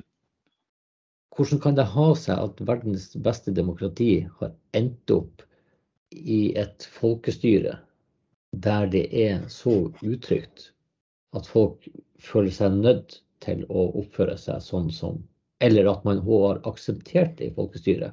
At vi skal behandle hverandre på en, eh, en respektløs måte og, og med alle de, de elementene vi har snakka om. Hvordan, hvordan havna vi her? Hva skjedde? Det er et veldig godt spørsmål. Hva skjedde? Hvor havna vi her? Hva, hva har skjedd over tid? Det, det, det kan jo ha en, altså, noe med at eh, verden er mye nærmere kommet. Oss får så mye impulser fra andre plasser. Altså ser oss hvor, hvor ting er i USA, og blir veldig amerikanisert her. Det blir jo veldig også, Det er mye som man kan si forskjell på uh, fattig og rik og alt slikt, men jeg tror at det er så mye impulser rundt oss hele tida. Og så har Facebook uh, Kommentarfeltet er så Du blir så tøff bak tastaturet, ikke sant? For det er ingen som ser det lenger. Du trenger ikke ha et ansikt til meningene dine. Og det blir så lett å bare spy ut seg alt, for at uh, ja, da virker jeg tøff, og der, og så er det ingen som egentlig vet at jeg har det ikke noe særlig bra. Og så er det kanskje ingen som motargumenterer på det, og så får du kanskje en del slike positive. Ja, men så bra at du står på. Og, uh, du blir så ukritisk til både deg sjøl og hva til andre skriver. Og dermed så danner det seg jo en sannhet av det som ikke nødvendigvis er faktabasert òg. Så jeg, jeg, tror det har en, har en god del å si. Pluss at en ser jo da at det blir danna strukturer over tid som er vanskelig å, å bryte ned. Og der, der er det jo kanskje det som er problemet i vår kommune. Da, at det er det som er det største problemet i lag med sosiale medier, som, ikke, som er nytt for mange, og mange ikke behersker særlig bra. Og så har du da at Summe så, har vært så lenge i denne her medgangsgruppa at de blir ukritiske til seg sjøl òg og blir lette å eh, bruke. For mange er veldig lette å bruke, og du ser da at det går på kompromiss med dem sjøl. Men de blir bare like, men nå, nå sier du det. Si det du nå. Mm. Dette her er jo helt feil, jeg er jo ikke enig til det. Mm. Og så, og så, ser du at vedkommende sier det og gjør det, og så har jo ikke vedkommende noe bra med seg sjøl, men det er så liksom Samtidig så er jo Matt dette her. Og det blir brukt mot deg at ja, men det var du sjøl som valgte å bli med på det her. Det var du sjøl som sa det, det var du som sa slik og slik. Og du gjorde det jo sist gang, hvorfor gjør du altså, Du blir bare i en slik uh, usunn uh, berg-og-dal-bane hele tida hvor du har det veldig dårlig med deg sjøl, men så får du positive kommentarer på Facebook, og så, du, så sitter du hjemme på badet og griner, ikke sant? Ja. Men man klarer ikke å se seg sjøl i øynene sant, i speilet. Nei, nei. For dette var ikke bra, men, men, jeg gjorde det, for jeg, jeg visste jeg hadde ryggdekning for det. Ja, sant? Jeg hadde backing i ryggen. Og, og, jeg leste en artikkel her for en tid tilbake og det var kjempeinteressant. Og det går nettopp på dette med flokkmentalitet. Og det, mm. jeg tror tittelen var at eh, kan vi alle bli massemordere? Ja. Og så var det en sånn en link til en hendelse under krigen. Det var kjempeinteressant. Det er jo litt vanskelig å si at, uh, å erkjenne det at ja, vi, vi lar oss på en måte lede av andre. Eller vi blir forma til å akseptere en kultur. Altså, det er rett, det er galt. Uh, men det er vel en ganske menneskelig sak, da, tenker jeg. Mm. På godt og vondt. Og kommer du inn eh, i, i, ungdomsårene og flytter på, på, hybel og skal gå på videregående en tilfeldig plass, er det ganske tilfeldig hvilken flokk, hvilken omgangskrets er det du kommer. Og det kan skille på om du, du havner på gata og en overdose, eller om du eh, havner i en eh, ja, direktørstol eller topplederstilling eller mange milliardær. Mm. Det er kjempetilfeldig. Og kanskje det mest tilfeldige, ikke det mest tilfeldige, men det mest sårbare perioden i livet man har, det er jo kanskje nettopp da. Og det er jo nettopp da at folk blir rekruttert inn i politiske ungdomsorganisasjoner. Når man flytter på hybel eh, og har mista alt det kjente man har, alle vennene sine, man bor alene, man har ikke familien umiddelbart, så er man, og i den fasen i livet, ikke minst, identitet. Hvem er jeg? Så er man nesten på desperat søken å finne seg en ny flokk å være i lag med. Og Hvis ungdomsorganisasjonene står der på stand og sier at hei, du kom, kom her, vi har ønska at du skal bli medlem hos oss, for her skal du bli sett, her skal du bli verdsatt, her skal du få lov til å være med og bestemme. Og så blir man med der, og så blir man opplært i de politiske ungdomsorganisasjonene hvordan demokratiet skal være. Hvordan du skal vinne debatter, um, og hvordan du taktisk skal gå fram for at vi liksom skal få Og selvfølgelig så er det flertallet i gruppa som bestemmer hvordan, uh, hva du skal bestemme, men du skal få være med og, og Det har jeg gjort meg noen tanker om. Jeg har aldri vært med i en politisk ungdomsorganisasjon. Men det er sett ut herfra så er det tanker som jeg har gjort meg om at uh, hvis det er måten vi rekrutterer morgendagens politikere, og det er det til en viss grad, for hvis du ser på Stortinget nå, så kan man eh, se ganske klart og tydelig og se hvem som liksom har yrkeserfaring, eller hvem som har starta i ungdomsorganisasjonene og liksom jobba seg opp og fått tillitsverv der og der, og kommet i kommunestyret og på fylkesting, og så sitter på Stortinget, uh, uten å ha yrkeserfaring. Men de starta i politiske ungdomsorganisasjoner. Mm. Og det er de som sitter i dag, på alle nivå, og i stor grad utøver demokratiet på den måten som vi har beskrevet her tidligere. Så jeg tror kanskje det kan være en del av forklaringa. Mm men det er jo også en mulighet eh, hvis vi, når vi kommer dit hen at vi skal Hva kan vi gjøre med det? Men um, jeg har sagt det mange ganger før. Folkevalgte ledere det skal være de mest myndige og ansvarlige personene vi kan framdrive. Kanskje praktiserer vi det på en sånn måte at det er nettopp det stikk motsatte som skjer. At vi får inn gjerne en del sårbare folk, mennesker, som kanskje har det vanskelig, og i en periode så lærer vi dem at sånn skal demokratiet være. Og så mm. ender vi opp med folkevalgte som i utgangspunktet er stikk motsatt av det vi egentlig skal ha. For hvis vi ser på kommunestyrer rundt om, eller folkevalgte, da, så kan vi spørre dyktige gründere, sterke personligheter, som, som, er aktive og får ting til, er beslutningsdyktige, kan ta, altså, ta ansvar hvis du spør dem kan ikke du være med, og de kritiserer ofte demokratiet og sier at herregud, hva dere holder på med i kommunestyret. Og så sier jeg ja, men vær med. Meld deg inn.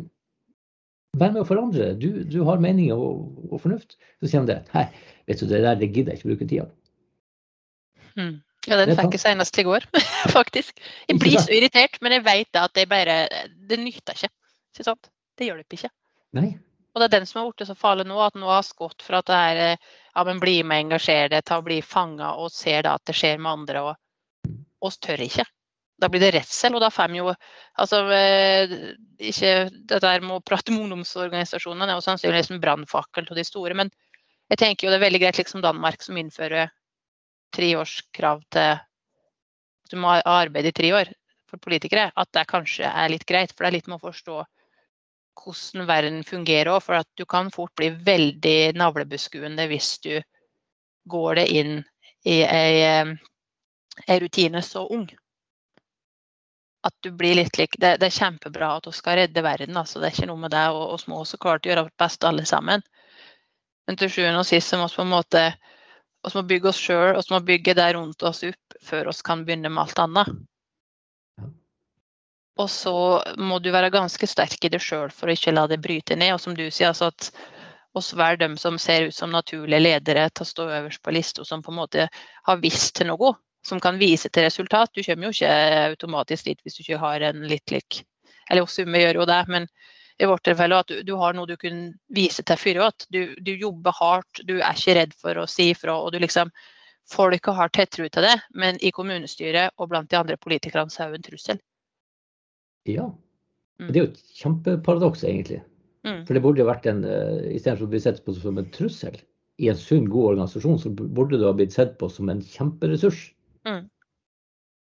Hvordan kan det da ha seg at folk som går inn og sier ja, jeg skal ta ansvaret, jeg skal bli ordførerkandidat, med et gjennomarbeidet partiprogram, og så kommer du da i kommunestyret og klubber falt, du er valgt som ordfører, så får du ikke lov til å stå for det du egentlig har gått til valg på. Og da, det, da blir du en trussel. Mm. Og, og det, er da, det, er da, man føler seg lurt og sier at hva er det her for noe? Det blir fryktelig utrygt for den som er på toppen, og som i utgangspunktet eh, ofte blir alene. da. Og så får du liksom alle imot deg, og så får du alle de der eh, mekanismene som, beskrevet, som du har beskrevet fint her nå. Mm.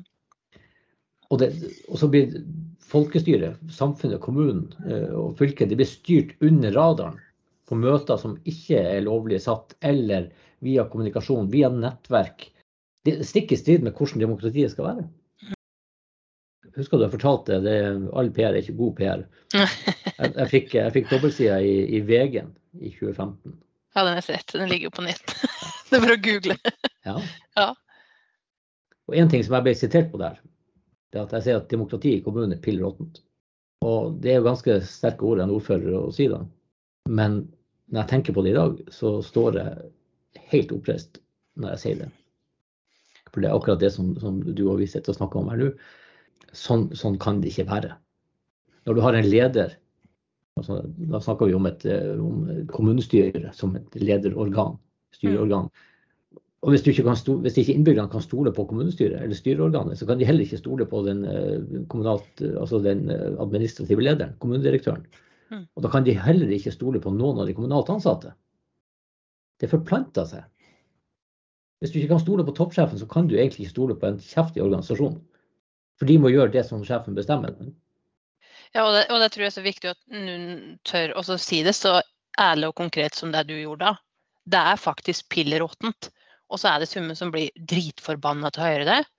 Men samtidig så, så, er det jo faktisk eh, så sterke ord du må bruke for at folk skal forstå. For det er jo litt med det at eh, Eh, jeg har jo skjønt det nå, at eh, fordi Summe Summa hadde veldig tro på meg i nominasjons, nominasjonskomiteen. hadde nok veldig tro på meg. Andre tenkte ja, men hun der er sikkert grei å finne, for hun der kan oss lede. Hun der kan oss styre, hun kan oss fortelle. ikke sant? Og så var ikke jeg slik i hele tatt. Og da går oss ut ifra at siden vi kan styre hun andre unge i kommunestyret, så er det noen annen som styrer Astrid. Ikke sant? Og, og, da begynner du der òg. Det, det, er noen som styrer henne. Og jeg har jo vært veldig tydelig på at eh, det, det, er ikke at jeg er en løs kanon på dekk, men det er ingen som sitter og forteller meg hva jeg skal si, hva jeg skal gjøre, hva jeg skal mene. Det skal jeg stå for 100 sjøl, hvis jeg så har jeg ikke kunnet sti til meg sjøl. Men fordi andre lar seg såpass lede, så må sikkert jeg gjøre det òg.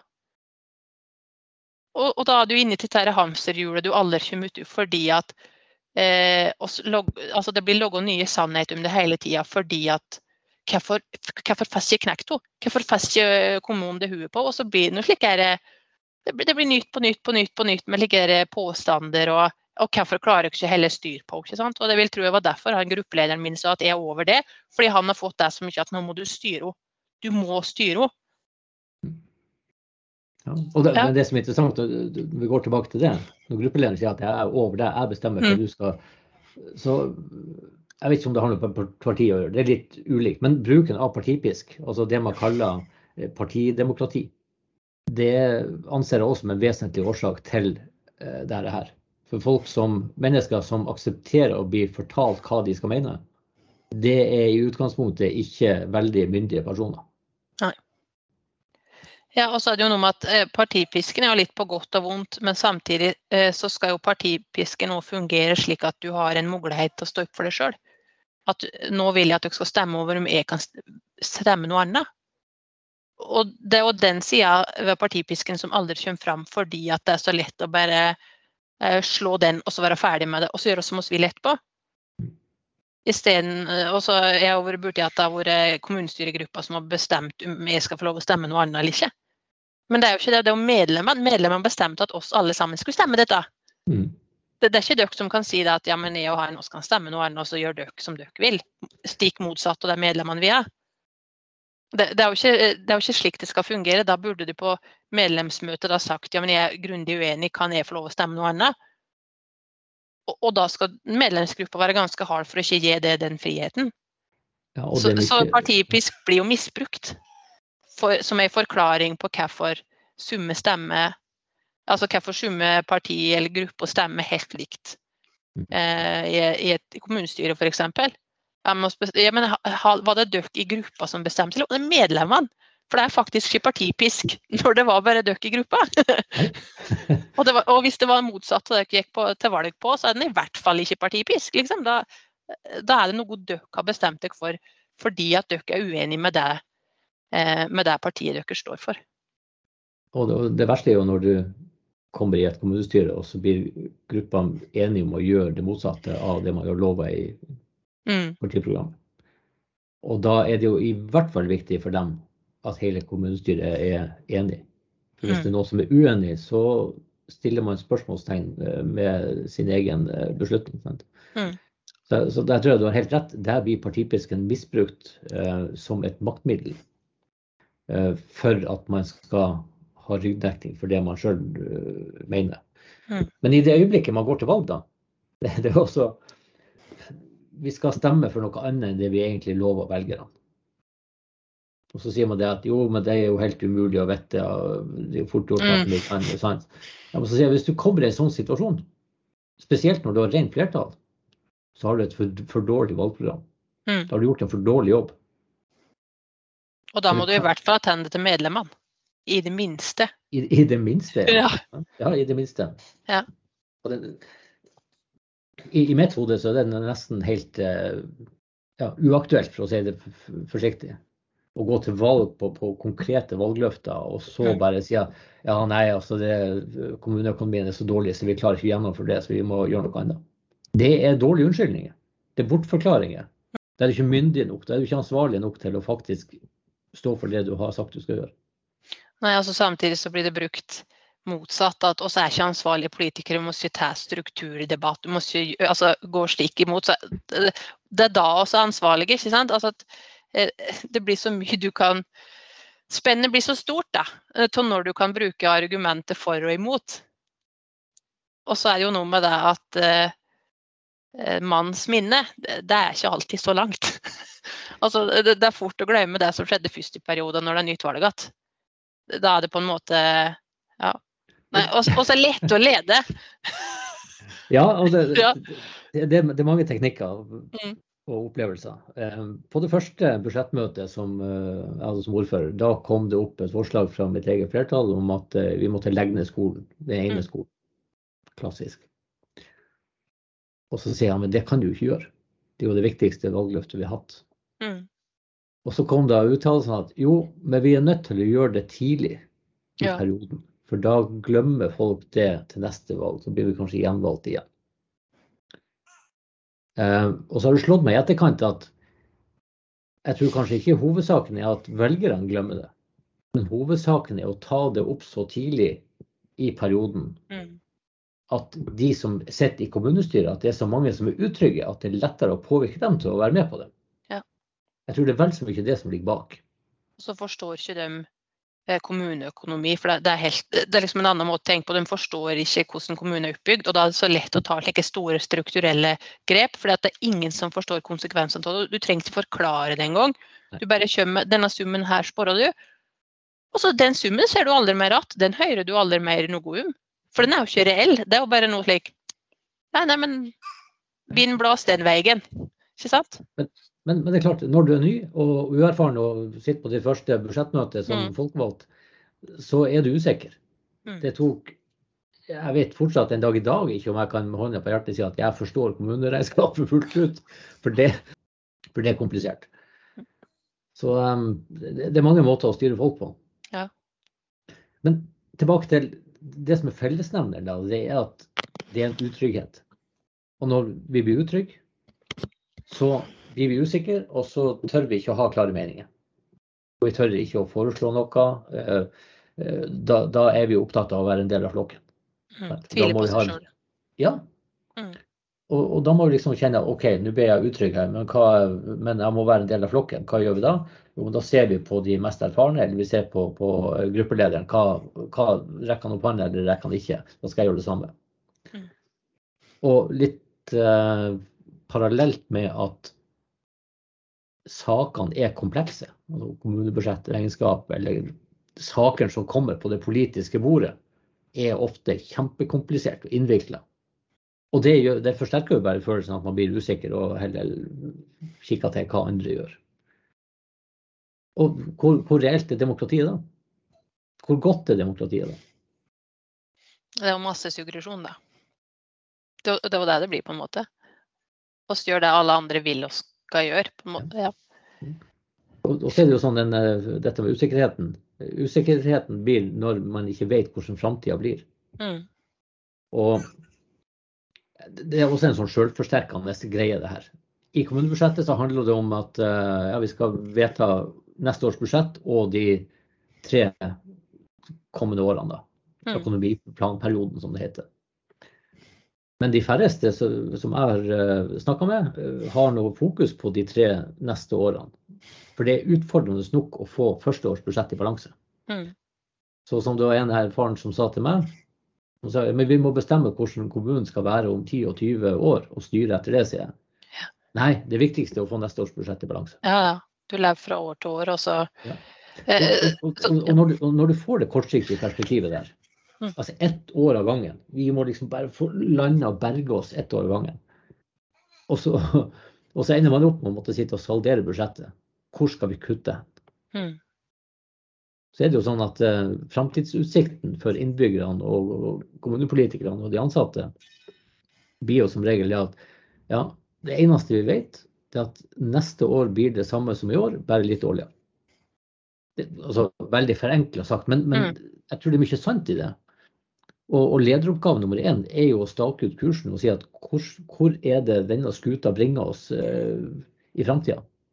Hvor det, hvordan, vil, hvordan vil det være å leve i, i Dovre kommune om 10 år, om 20 år? Mm. Eller i Gratangen, eller i andre. Det er jo det som er lederoppgave nummer én. Så har vi altså forvalta og utvikla demokrati og folkestyre på en sånn måte at de øverste, fremste myndige ansvarlige sitter her og er totalt bondefanga i et budsjettmøte. Mm. Og man sier at oi, nå har eh, administrasjonen eh, brukt eh, 1,5 million kroner mer enn de skulle, så det må vi kutte neste år. Ja, hvor kan vi gjøre det? Eh, Vi ber administrasjonen om forslag. Jo, forslaget er å legge ned en skole. Ja, vi har ikke noe andre bedre forslag, så da må vi bare gjøre det. Som igjen gjør at det blir uforutsigbart for kommunalt ansatte i skoleverket, Mm. for eh, barnefamilier. Skal vi flytte dit, eller skal vi ikke? Nei, vi vet jo ikke om de har skole neste år eller ikke. Vi må finne oss en annen kommune å flytte til. Altså, Mm. alt blir så uforutsigbart, og så forsterker det den utryggheten som er i hele samfunnet. Når vi parallelt rekrutterer folkevalgte inn, som da sitter der og lar seg styre av enkeltpersoner, Mm. Eller et mindretall som, som spiller det her, eh, kall det uredelige spillet, da, så blir det en, et hamsterhjul, som du sa, eller en sånn sjølforsterkende greie som er vanskelig å endre på. Ja, jeg tror at det, det er slik som du beskriver, at den, altså at den bygges opp og mister litt like Det det var veldig godt sagt, og en eh, Jeg vet ikke om han var fylkesrådmann eller rådmann, han sa det en gang at eh, når politikerne slutter å styre, da styrer administrasjon. Og det tror jeg skjer i flere og flere kommuner. Administrasjon styrer alt, og så sitter så sitter politikerne der, og så er de litt like ansiktet utad, har litt eh, koselig, jovialt, kan spille litt spill. Summe syns det er litt like piff i hverdagen å få lov å skiple litt og lage litt drama. Og så eh, er det administrasjonen som egentlig bestemmer alt. Og så blir oss, eh, oss politikere oss blir veldig fort slik eh, så går rett til tiltaket. Istedenfor å se på konsekvensen i midten, så går eh, altså rett fra, liksom, som du sier, båtlinja til tiltaket, istedenfor å se på hva andre ting kunne vi gjort, hva, hva muligheter har oss. Og, og der, eh, der syns jeg at mange, altså inkludert meg sjøl, mange politikere er altfor dårlige til å ta tilbake kontrollen og skylde på administrasjonen når det blir noe. Men hva var oss? Hva pusha oss på? Og jeg vet sjøl jeg har pusha på nå må vi begynne med budsjettarbeid tidlig. Det, det sier oss hvert år. Vi skal begynne i februar. Skjer aldri. Og så har du da de kommunalt ansatte som går og så blir jo samme tralten at Nei, vi skal få mer skjellinger. Nei, nå må vi få mer fra regjeringen. Nå må vi få dit, nå må vi få datt.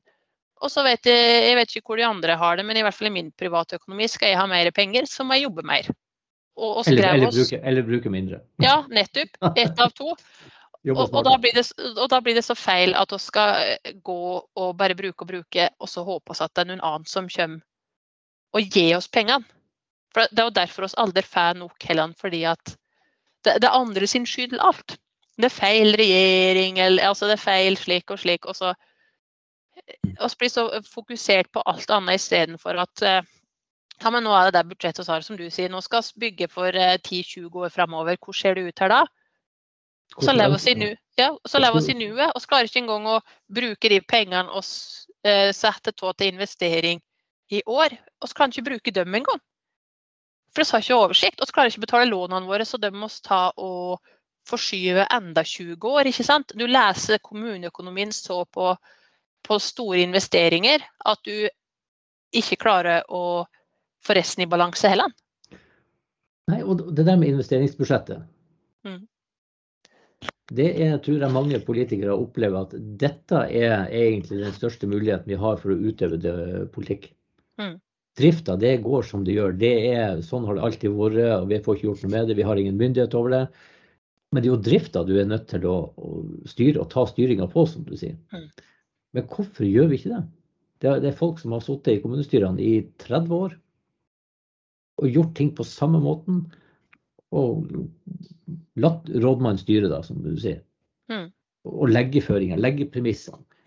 Vi kommer ikke, Jeg snakker med mange ordførere som har sagt at ja, men vi kommer ikke i posisjon. Vi er så bakpå hele tida. Vi kommer mm. ikke i posisjon til å sant? Men når man nå går inn i materien og ser hvilken myndighet kommunestyret har All myndighet og mm. alt ansvar. Men jeg tror at veldig mange folkevalgte ikke er klar over hvilken myndighet man har, og hvordan man skal bruke de verktøyene man har. Det, og det er der jeg tror òg at det eh, relasjon eh, politikk og administrasjon er så viktig eller ryddig. For at med en gang du får et personlig forhold til dem, så blir det vanskelig å stille krav til dem òg. Istedenfor at du prøver å helle det profesjonelt, du prøver å helle det ryddig. Du står på liksom, du følger eh, lovverket du Det er andre som har logga det for oss. Eh, det er ikke oss sjøl som har logga det for oss, eller rådmannen som har logga det for oss. Dette her er på en måte noe som hele Norge skal følge. Og så eh, lell så klarer vi å se bort ifra det fordi at noe annet er mer behagelig. Det var også I den rådmannssaken så var det jo en som eh, eh ikke ville støtte lell fordi at han likte ikke å si opp noen. Og, og da, da faller jo egentlig alle andre argument til sies. Og da blir det jo litt slik at ja, nå skal han kutte der, for jeg syns det er mer ubehagelig at administrasjonen må kutte. For de må jeg se, de må jeg se hver dag, på en måte. de må jeg se oftere. Eller, eller den er gift med søskenbarnet mitt, eller ikke sant. Og da kan den bli arbeidsledig. Altså det blir så nært det. Og da klarer du egentlig ikke oppfylle den rolla som folk hadde tillit til deg og stemte på deg for. Men det er jo et paradoks at, at kommunepolitikere og kommunestyret skal sitte og saldere et budsjett og diskutere nesten stillingsnivå, hvor skal vi kutte hen. Mm. Det er ikke en styrejobb å gjøre det. Nei. Nei det jo det som, og det så også, liksom når vi hadde disse forhandlingene tilbake til det, at da sier jo dette her som nå har vært opposisjonspartiet, som har vært i posisjon så lenge, også har prøvd å få til rådmannen til å kutte i administrasjonen, og han vil ikke. Og da er det tilbake til Ja, og, og det vil jo jeg òg, men nå er dere plutselig enige med rådmannen og skal ikke gjøre det. Nei. Altså, når, når en administrativ sjef ikke gjør som styret vil, eh, ja. så må styret finne seg en annen administrativ sjef. Ja ja, det skulle tro. ja, altså hvis jeg skal betale noen for å gjøre en jobb til meg, eh, på bilen eller male huset eller noe sånt. Mm. Eh, hvis jeg vil male huset hvitt, og, og maleren insisterer på å male grått, så vil det jo si at du får ikke jobben, du må finne deg et annet oppdrag. Jeg skal finne noen som vil male huset sånn som jeg vil. Det er så, det er så basic og enkelt som det. er. Men, men uh, gjengs over så tror jeg politikerne har uh, lært at uh, nei, vi, vi, får høre med rådmann det, og administrasjon, for de vet best. Mm. Og når man gjør det tilstrekkelig nok, og aldri på en måte tar ledelsen og styringa, så, så, kan man jo stille spørsmål ja, men hvorfor skal vi bruke penger på politikk. Da kan vi jo i første kommunestyremøte etter valget bare gi all delegasjon til rådmann.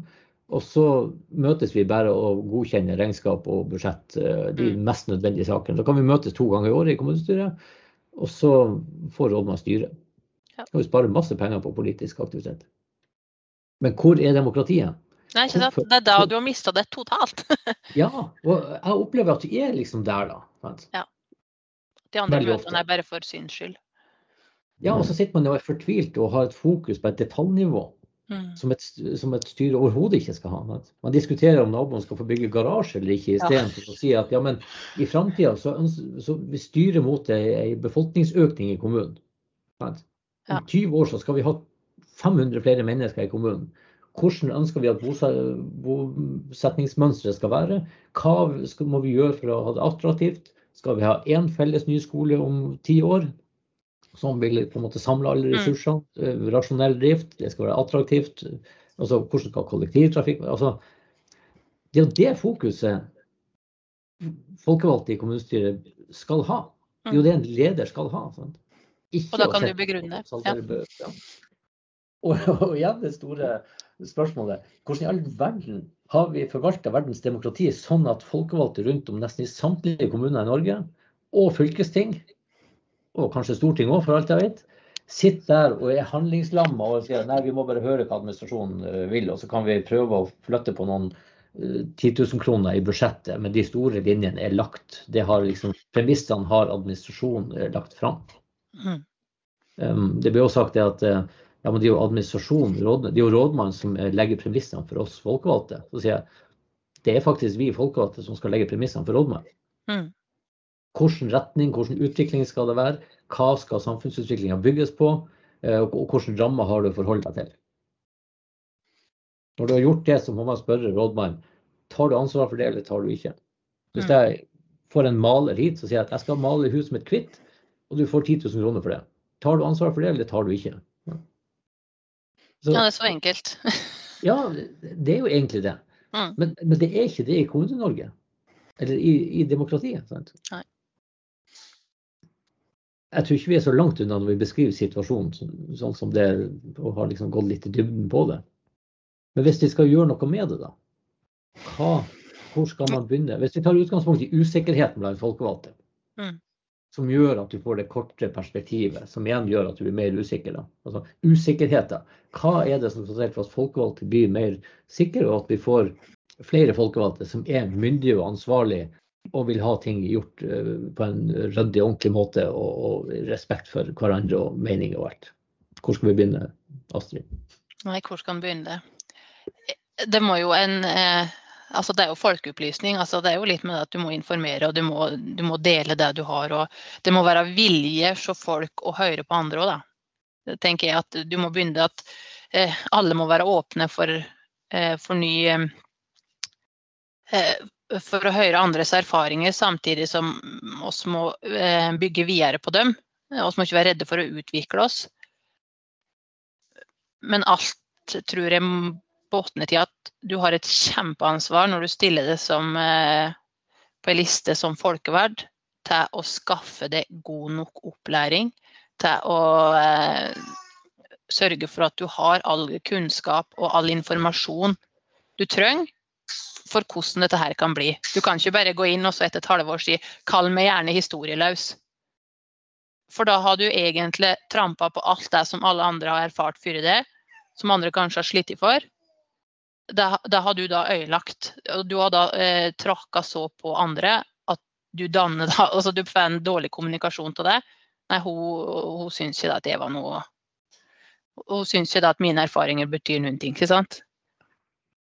Så, så, jeg tror at det der en må En skal huske historien og bygge videre på den, men en skal ikke henge att i historien, hvis du skjønner? Nei, det var også mange gode ordtak. Ja. Det var en som sa det at vi skal ikke ha fokus på bakover på historien, for det er ikke dit Nei. vi skal. Nei. Vi må se mer framover. Vi må ha noen bilder. Vi må tro at ja, men vi styrer mot en framtid som er bedre enn det som uh, gårdagen var. Mm. Det er ikke sånn at neste år blir det samme som i år, bare litt dårligere. Det er skrekkelig dårlig framtidsbilde, og det gir dårlig grunn for optimisme.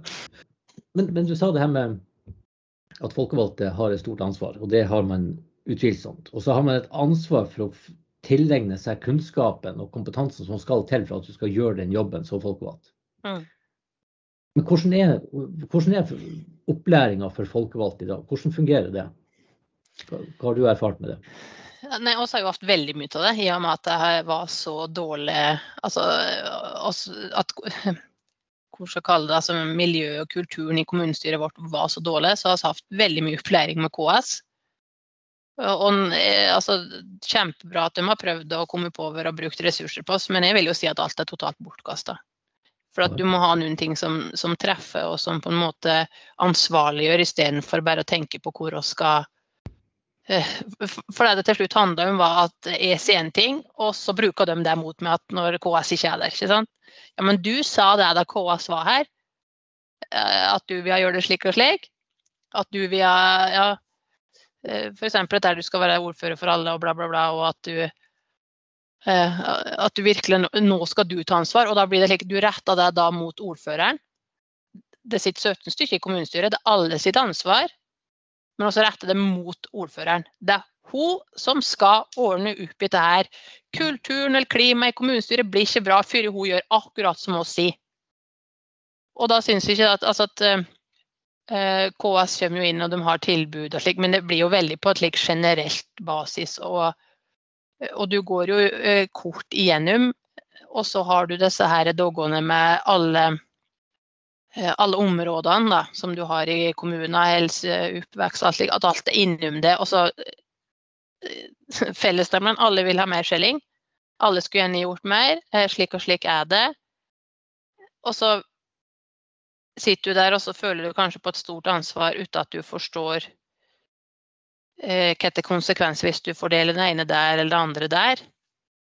Eh, hva er konsekvenser for deg? Det, det altså, du, så, du ser bare ett og ett område istedenfor å se helheten. Og det er kanskje helheten du trenger mer opplæring til å se, og så forstå hvorfor, hvorfor er det som det er, da. Det har vært veldig grunt forklart, men jeg tror at det, det blir nok en gang at hvis du på en måte da backer litt unna til å begynne med å bli usikker, så blir det at da tar administrasjon kontroll, fordi de, de, vet hvor de vil ha det. Og da legger de da fram slik som det ble nå, nå legger de fram da budsjettet for neste år i november. Politikerne er helt nye, og så blir det ingenting. Egentlig det blir en liten, bitte liten dragkamp på økonomiplandagen men i det store og hele ikke noe slik er kontroverser. Altså, de, de får det jo som de vil. Og da er det jo et eller annet i, i eh, Jeg vet jo da at oss eh, Jeg var jo den eneste i gruppen min som hadde politisk erfaring, og jeg har brukt så mye tid på å sette meg inn i eh, økonomiplan og budsjetter og alt slik i årene før jeg ble vært som ordfører pga. det skoleengasjementet bl.a. Og sammenligna oss med andre kommuner og alle rundt her. Så jeg hadde liksom en viss oversikt. De andre hadde ingenting. Og så sitter vi der og kanskje skulle fått uh, ordføreren i nabokommunen eller gamle ordføreren der til å komme og vist oss. Ja, det må dere gjerne gjøre, men vi kan ikke begynne med det i slutten av november, like før økonomiplan. Da, da, da, forstår jeg nok for min egen del, for det er ikke det jeg vil fokusere på da. Og, og der kan jeg nok si at jeg ble litt vrang, men hvorfor lærte ikke dere dette her før? Hvorfor må jeg på en måte være med på et møte og sitte og skal få uh, opplæring i noe som dere er usikre på, men som dere burde ta ansvar for et år før for dette er andre økonomiplanen vår. ja. men, det, men, det, du sier at og Jeg kjenner det godt igjen. Når man blir valgt inn, mm. og ofte så er det ganske store utskiftninger i et kommunestyre. Det kommer ganske mange nye inn. Mm. Og i løpet av Du fortalte også i stad at dere hadde folkevalgtopplæring ett og et halvt år ut i perioden. Men burde ikke folkevalgtopplæringa vært i forkant? Mm. Sånn at de som vurderte om å altså Kanskje de som vurderte og ikke helt har tort og sagt ja til å stå på en politisk liste, at de hadde et tilbud der som sier at ja, men jeg har egentlig lyst til å påvirke, men hvordan skal jeg gjøre det? Sånn at de mm. da har en grunnleggende kunnskap før de kommer inn og sitter i kommunestyret. Og det tror jeg er et veldig godt eh, argument hvilke verktøy er det, hvilke saker er det vi skal behandle av alle mm. de 100 sakene som kommer opp i løpet av kommunestyret? Hvilke av dem er det som vi har mest styring av politisk? Jeg deler erfaringer med, med folkevalgtopplæringa. Det er mye bra med, med KS og Fylkesmannen. Men jeg har vært gjennom det ja, tre ganger. da. Hver gang så har jeg liksom sittet og og følte at ja, det er fint det her, og overordna kommunelov og, forvaltningslov og habilitet og alt det der. Men når vi kommer tilbake i kommunestyret, så savner jeg i hvert fall det. Ja, men konkret, hva skal jeg gjøre for å liksom mm. få lagt noen føringer? Og da var det fylkesmann, eh, eller assisterende fylkesmann i, i, i vårt fylke som en gang sa noe som jeg beit meg merke i. Det var mange kommuner som ikke hadde kommuneplans samfunnsdel. De fleste hadde mm. kommuneplans arealdel. Arealdelen er liksom, ja, men det er veldig konkret og forståelig. De fleste hadde det. Men han sa det så veldig beskrivende. Til alle de kommunene som ikke har kommuneplans samfunnsdel, hva styrer dere etter da? Og da gikk det opp et lys for meg og si at ja, samfunnsdelen, hvis den er så viktig, så må vi sette oss inn i den. Og da måtte vi jobbe, bruke to-tre år på å få, for første gang i kommunens historie, få vedtatt en kommuneplan, samfunnsdel. Mm. Som legger noen overordnede føringer, grunnleggende verdier. Beskriver hvordan skal samfunnet her i vår kommune være og leve for, for alle som er her, og mm. som har tenkt å bo her. i uendelig framtid, egentlig. Selv om det gjaldt for en 12-15 år, eller hva det var. Men da hadde du, det er der du har mulighet til å legge det langsiktige perspektivet og føringen. Mm. Og så må du i etterkant, for at ikke det skal bli et festtaledokument, så må du bruke andre politiske verktøy for å sørge for at rådmann faktisk styrer etter det. Faktisk styrer etter kommuneplan samfunnsdel. Men, men, det er en god tanke det med at, å gi, gi folk uh, mulighet til å få kunnskap før man uh, står på en politisk liste og skal sitte og kutte i første budsjettmøte. Hmm. Ja, for det første budsjettmøtet det ble jo liksom også at da bare gjorde oss det som, uh, som ble foreslått, for da var alle så nye. ikke sant? Og da hadde jo gått i fella med en gang. Da, da, er det egentlig for sent å hente sin igjen. Mm. Og, og og jobber jo ikke godt nok med det. Det er jo ikke noe tvil om. Vi er ikke flinke nok til å jobbe godt med det. Vi har på en måte oss bruker valgprogrammet når det passer oss, oss bruker planer når det passer oss for våre saker oss kjemper for, men vi bruker det ikke generelt for å tenke helhet. Vi blir fokusert på enkeltsaker og på, ja, på enkeltpersoner, rett og slett. Så jeg, jeg, deler det synspunktet ditt der med å på en måte gi, gi folket en mulighet til å forstå hva er dette er, og samtidig som vi på en måte eh, oss som politikere om å dele mer eh, på godt og vondt. Jeg er jo veldig for dette her i kommune-TV, at du viser fra kanskje alle politiske utvalg hva skjer. For da får eh, de som er, eh, har et bitte lite engasjement, da får de en mulighet til å følge det, eller til å gå inn og se på hva som skjedde. og um, Istedenfor at du må gå gjennom papirene. For at uh, bare gå gjennom saksdokumentene, da har du ikke noe til diskusjonen eller debatten som var. Men så snart du på en måte har noe digitalt eller noe å gå inn på, eller live for den saks skyld, så, så, ser du hvor det blir gjort, og så kan du ta et valg da. Dette her var jeg ikke enig i, eller akkurat slik vil jeg eh, oppføre meg, eller slik. Altså du blir mer bevisst på hvordan politiker du sjøl ønsker å være. Eller folkeverd, eller eh, hva nå enn betegnelsen vil bruke. Og, og, i hvert fall hvordan du, og hvordan parti du velger, ikke sant. Altså, det er så mye så man kan åpne for muligheten til å velge mellom. Vi fjerner mye av valgmulighetene til folk, for at vi ringer til dem eh, fra et bestemt parti fordi at og så sett du gjør en bra jobb, det du driver med. Og så blir det veldig slik tilfeldig hvilket parti du velger fordi at å nei, men disse var først, og så ringte ikke dere for en måned etterpå, da har jeg egentlig sagt ja til dem, eller nå sa jeg nei til dem, så da må jeg nesten si nei til det, ikke sant. Vi skal jo behandle alle likt. ja, ja, ikke sant. Da blir det jo feil, for da kan jo det bli sur... Altså, diskusjon blir noe altså, Valget ditt blir noe helt annet enn fakta- og kunnskapsbasert. Det blir kun på en måte litt slik her og nå og, og personavhengig og ja. jeg tror det blir ofte personavhengig fordi at man eh, har tillit og stoler på, på noen. Og liker noen måten de er på. Men det med kommune-TV er helt klart et, eh, det opplevde jeg som et klart bidrag til å forbedre demokratiet. Mm.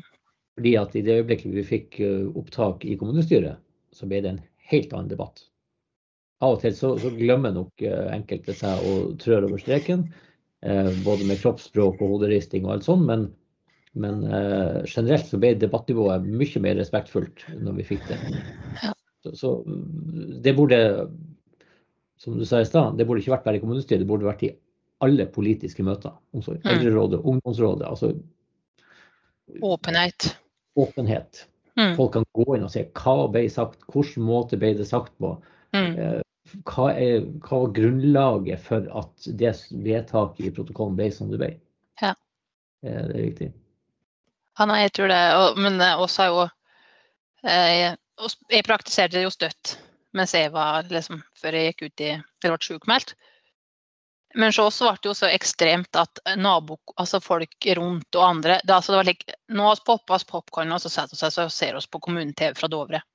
Så, så, ille var det her, og så var underholdning for andre. Og så hadde jo opptil 1000 seere ikke på, på kommunestyremøtene våre.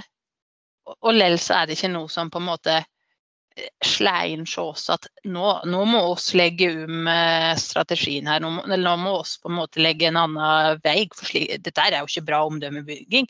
Men da er oss så på utur alle sammen. oss er så bastante, oss er så mot hverandre at jeg nå bengt ikke andre mener. For at jeg mener at jeg eh, slik, jeg vil ikke hjemme. ikke sant? Jeg skal ikke hjemme. Hun skal ikke få rett, ikke sant? Nei, vi kan jo faktisk ikke. Jeg kan i hvert fall ikke stemme for noe som et annet parti har lagt fram. Sant? Nei, nei. For da viser vi svakhet, da dummer vi oss ut. Og, men igjen, trygge folk kan ombestemme seg. Mm. Altså, folk som er trygge på seg sjøl, kan si det at jo, men Jeg tviler. ja. Eller si at du, det innlegget som Astrid fra det andre partiet kom med, vet du, det, det har ikke jeg tenkt på når jeg forberedte mitt eget standpunkt. Så ut fra det så har jeg endra det. Så jeg, jeg er helt enig. Mm. Jeg skal stemme for det og Astrid foreslo der. For det er et bedre forslag enn det jeg har klart å tenke på sjøl. Og det, det er det jeg tenker at hvis alt er avtalt på forhånd, noen har snakka sammen, liksom Mm. at du vet utfallet og har piska folk til å stemme, så mister du jo da mye av hensikten i et demokratisk organ. Mm. Det er jo nettopp å få parti, tverrpolitiske debatten og begrunnelsene. Og, og uansett hvor ekstremt det måtte være i hver ende med ulike partier og sånn, så får du på en måte en samla eh, argumentbase på bordet som du skal ta stilling til. Mm. Hvis alt er avtalt på, på grupperom eller i uformelle møter med, med rådmannen, så, så er det jo ingen vits å holde på med demokratiet da. Det er ikke et reelt, det er pill råttent da. Ja, nettopp. Altså når, det blir, når det blir OK å si da at ja, men eh, nesten alle vedtak vi tar er jo enstemmige. Ja, Det er skummelt, det. ja det er skummelt. Da, da kjenner jeg at for at det, det var jo litt kulturen da jeg kom inn der. For det, det er tydeligvis noe som eh, dem, eller noen før meg har tykt var veldig ålreit å kunne vise til hele tida samlende kommunestyre. Det, det er liksom, oss tenker ulikt. Og så blir det et argument å, nei, men oss er så venner i kommunestyret for oss er like Og så er det nesten enstemmig vedtak hele tida. Ja, men det er i hvert fall ikke fordi oss er venner. Det er i hvert fall ikke fordi det er god stemning. Det er ikke derfor oss har eh, Altså, argumentasjonsrekka blir helt ulikt eh, på hvordan vi på en måte ser det. da. At det blir på en måte en sannhet i at ja, men fordi at alle nå stemte for dette her, så ja, da er vi enige. Eh, Det er fordi vi er enige, det er ikke fordi at jeg, vet, jeg orker ikke argumentere mer for det. Ja, det er greit, vi bare gjør det. fordi at, ja. Så jeg har jo vært der mye sjøl òg. At jeg har vært grunnleggende uenig. Jeg var så fornøyd på et kommune... Ja, I fjor høst så var jeg så fornøyd, for da hadde jeg fått med enstemmig hele kommunestyret på at nå, fram til økonomiplanen, dette var i september, så skal vi se på, på eh, administrasjon og kommune, altså strukturen i kommunen hos oss. Og dette var rådmannen grunnleggende imot. Så han fikk Jeg vet ikke om det var fylkesmann eller KS som fikk tak i, og fikk liksom fant et eller annet feil med det vedtaket. Dette kunne dere ikke gjøre. Så det var han som fikk oss til å eh, dette er, Dere må stemme opp igjen. Men jeg vet jo at det var mange av de andre politikerne også som unnskyldte seg etterpå. De fikk ikke helt med seg hvem stemte. Men det var jo enstemmig. Alle var enige. Dette her var en god ting. Nei, men det kom så brått på dem. Og det var fordi det ikke var tid før i det kommunestyret, så kom det så brå på dem. Fordi jeg hadde ikke nødvendigvis rukket å prate med alle mine før jeg kom med forslaget, fordi det hadde skjedd etter gruppemøtet. Mhm. Så da hadde ikke de fått forberedt de andre. Så de visste jo ikke hva som kom, men de var jo enige. Og da, da kan de ikke stå for det at de var at de aktra seg etterpå. Da kan ikke de komme og si at vet du hva, Astrid, det det der var faktisk Jeg tenkte meg ikke helt om, kan vi se litt på det her? Da får rådmann til å gjøre det. Og det bedrer jo i hvert fall ikke relasjonen mellom meg og rådmann. Så, så, så den ligger episoden jeg har tenkt på at åh, det var liksom eneste saken som jeg følte jeg argumenterte godt for. Man var liksom glødende interessert i, prøvde å se framover, glemme den der skolesaken. Og så var det den, og, og så gikk det valg på nå. Det var det verste. Jeg hadde, jeg hadde masse om det på, eh, på stand etter stand. På dette her, jeg lover dere ansatte. Jeg er sikker på at eh, neste, eh, halvparten av alle kommunalt ansatte stemte på meg for den grunn. ikke sant? Vi skal se på dette her, og skal virkelig nå utrede dette her. Nå skal oss, nå er det deres tid, liksom. Nei. Da var det liksom Nei, dette var Så, så jeg husker ikke Vi fikk i hvert fall omgjort det. Så det ble ikke noe gode, Det ble ingen, det rant ut i sand, rett og slett. Men, eh, og, da, og da kjenner du at du bare Og så går det i og så Nå må du glemme den skolesaken. Ja, men jeg prøver jo å glemme den. Jeg prøver å se framover. Jeg prøver liksom å logge nye saker. Det er dere som drar meg tilbake og, og, skaper sannhet om meg hele tida. Mm. Og når da rådmann blir en del av det, så er det på en måte du sitter igjen der og Hvem har du egentlig i kommunestyret? Vi har ikke ryggdekning. Det er andre Nei. som styrer. Ja, så sier jeg jeg forstår ikke. Jeg forstår ikke. Jeg, jeg forstår ikke. Og så Jeg vet ikke hvor mange møter jeg hadde med formannskapet om situasjonen mellom meg og rådmann. Og på det siste møtet så sier jeg at dette, her, eh, dette fungerer ikke, nå må vi bare ta det til kommunestyret. Og så sier da vedkommende at eh, jeg forstår fortsatt ikke. Og, og da var det litt likt. Jeg måtte bare nei, nå, nå, jeg, nå, nå, forventer jeg faktisk at du skal forstå. For nå har vi drevet på slik et halvår. Hatt møte på møte på møte. på møte. Jeg har sittet der og fortalt mitt. Jeg har sittet der og pressa og pressa til, til, nesten tårene har kommet. For jeg har aldri kommet noen vei. Rådmannen trenger nesten ikke si noen ting, men det er som Alt skal ligge på meg hvorfor oss ikke samhandler, fordi at dere samhandler så godt med rådmann. Dere forstår ikke problemet mitt. Og de ønsker ikke å forstå det. Og da til slutt så Ja, nei, det var det siste kommunestyret ble det helt eh, Nei. Da, da, og da var alle så forutbestemt før saken var lagt fram. Da hadde nok en gang, Det var et kjempeeksempel på at alle hadde prata i hop. Og jeg vil ikke si noen ting, for jeg vil at alle skulle få samme informasjon samtidig for en gangs skyld. Og da ble problemet med i stedet. Jeg hadde to advokater, både en privat og en i KS. og jeg hadde, jeg hadde virkelig lagt opp dokumentasjon, fått det godkjent. Jeg hadde fire sider. Jeg hadde samla, liksom. altså, altså, det betyr ingenting, for det, er jeg som er problemet i, i samarbeidet. Ja, men det kom med hva som, Hvorfor er jeg problemet? Nei, du er problemet. Det, det er helt blåkopi. Eh, vi jobba jo fram prosessen da, sant. Ja. Så fikk jeg et, eh, og et enstemmig kommunestyre med på at vi skulle starte en prosess med å avslutte mm. forholdet. Og da var det to av de mest erfarne som var på ferie i Syden. Så kom de tilbake, sendte lovlighetskontroll, fordi de mente at ordføreren ikke kunne innkalle når de var på ferie. Det var sånn. Og, og, og det er jo greit, send lovlighetskontrollen, sier jeg. Jeg er helt brennsikker på at det ikke alt er etter boka. Mm. Men da fikk de liksom trenert det her og brukt ja. mer tid på å etablere en sannhet om at dette var tull at det var som var problemet. Mm. Fikk lovlighetskontrollen for fylkesmannen tilbake? Nei, det var overhodet ikke grunn for å, for å, gjøre noe med det. Men da fikk de muligheten til å ta opp saken på nytt.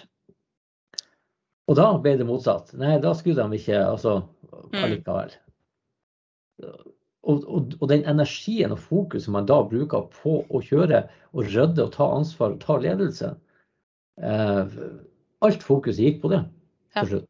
Ikke veldig lite til, til, utvikling og liksom markedsføring og mm. initiativ. Og, altså, alt gikk på det fokuset.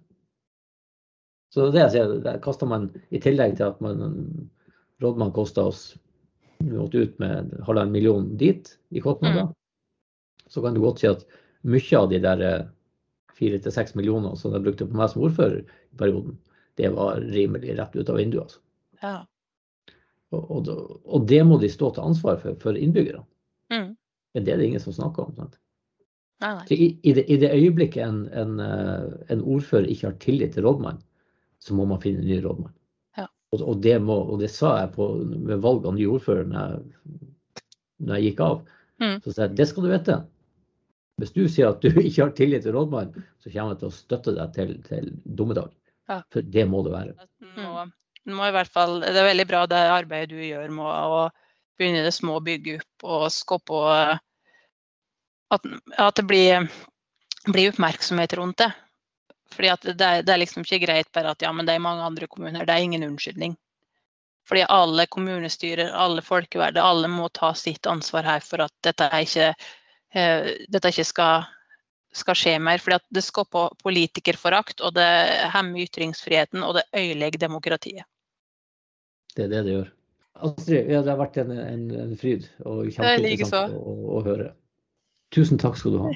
Jo, sjøl takk. Hvis du syns det er interessant å høre om demokratiet, hvorfor det er sånn som det er, og ikke minst hvilke muligheter du har for å påvirke, så vil jeg anbefale deg å klikke på abonner-knappen, sånn at du ikke går glipp av neste episode.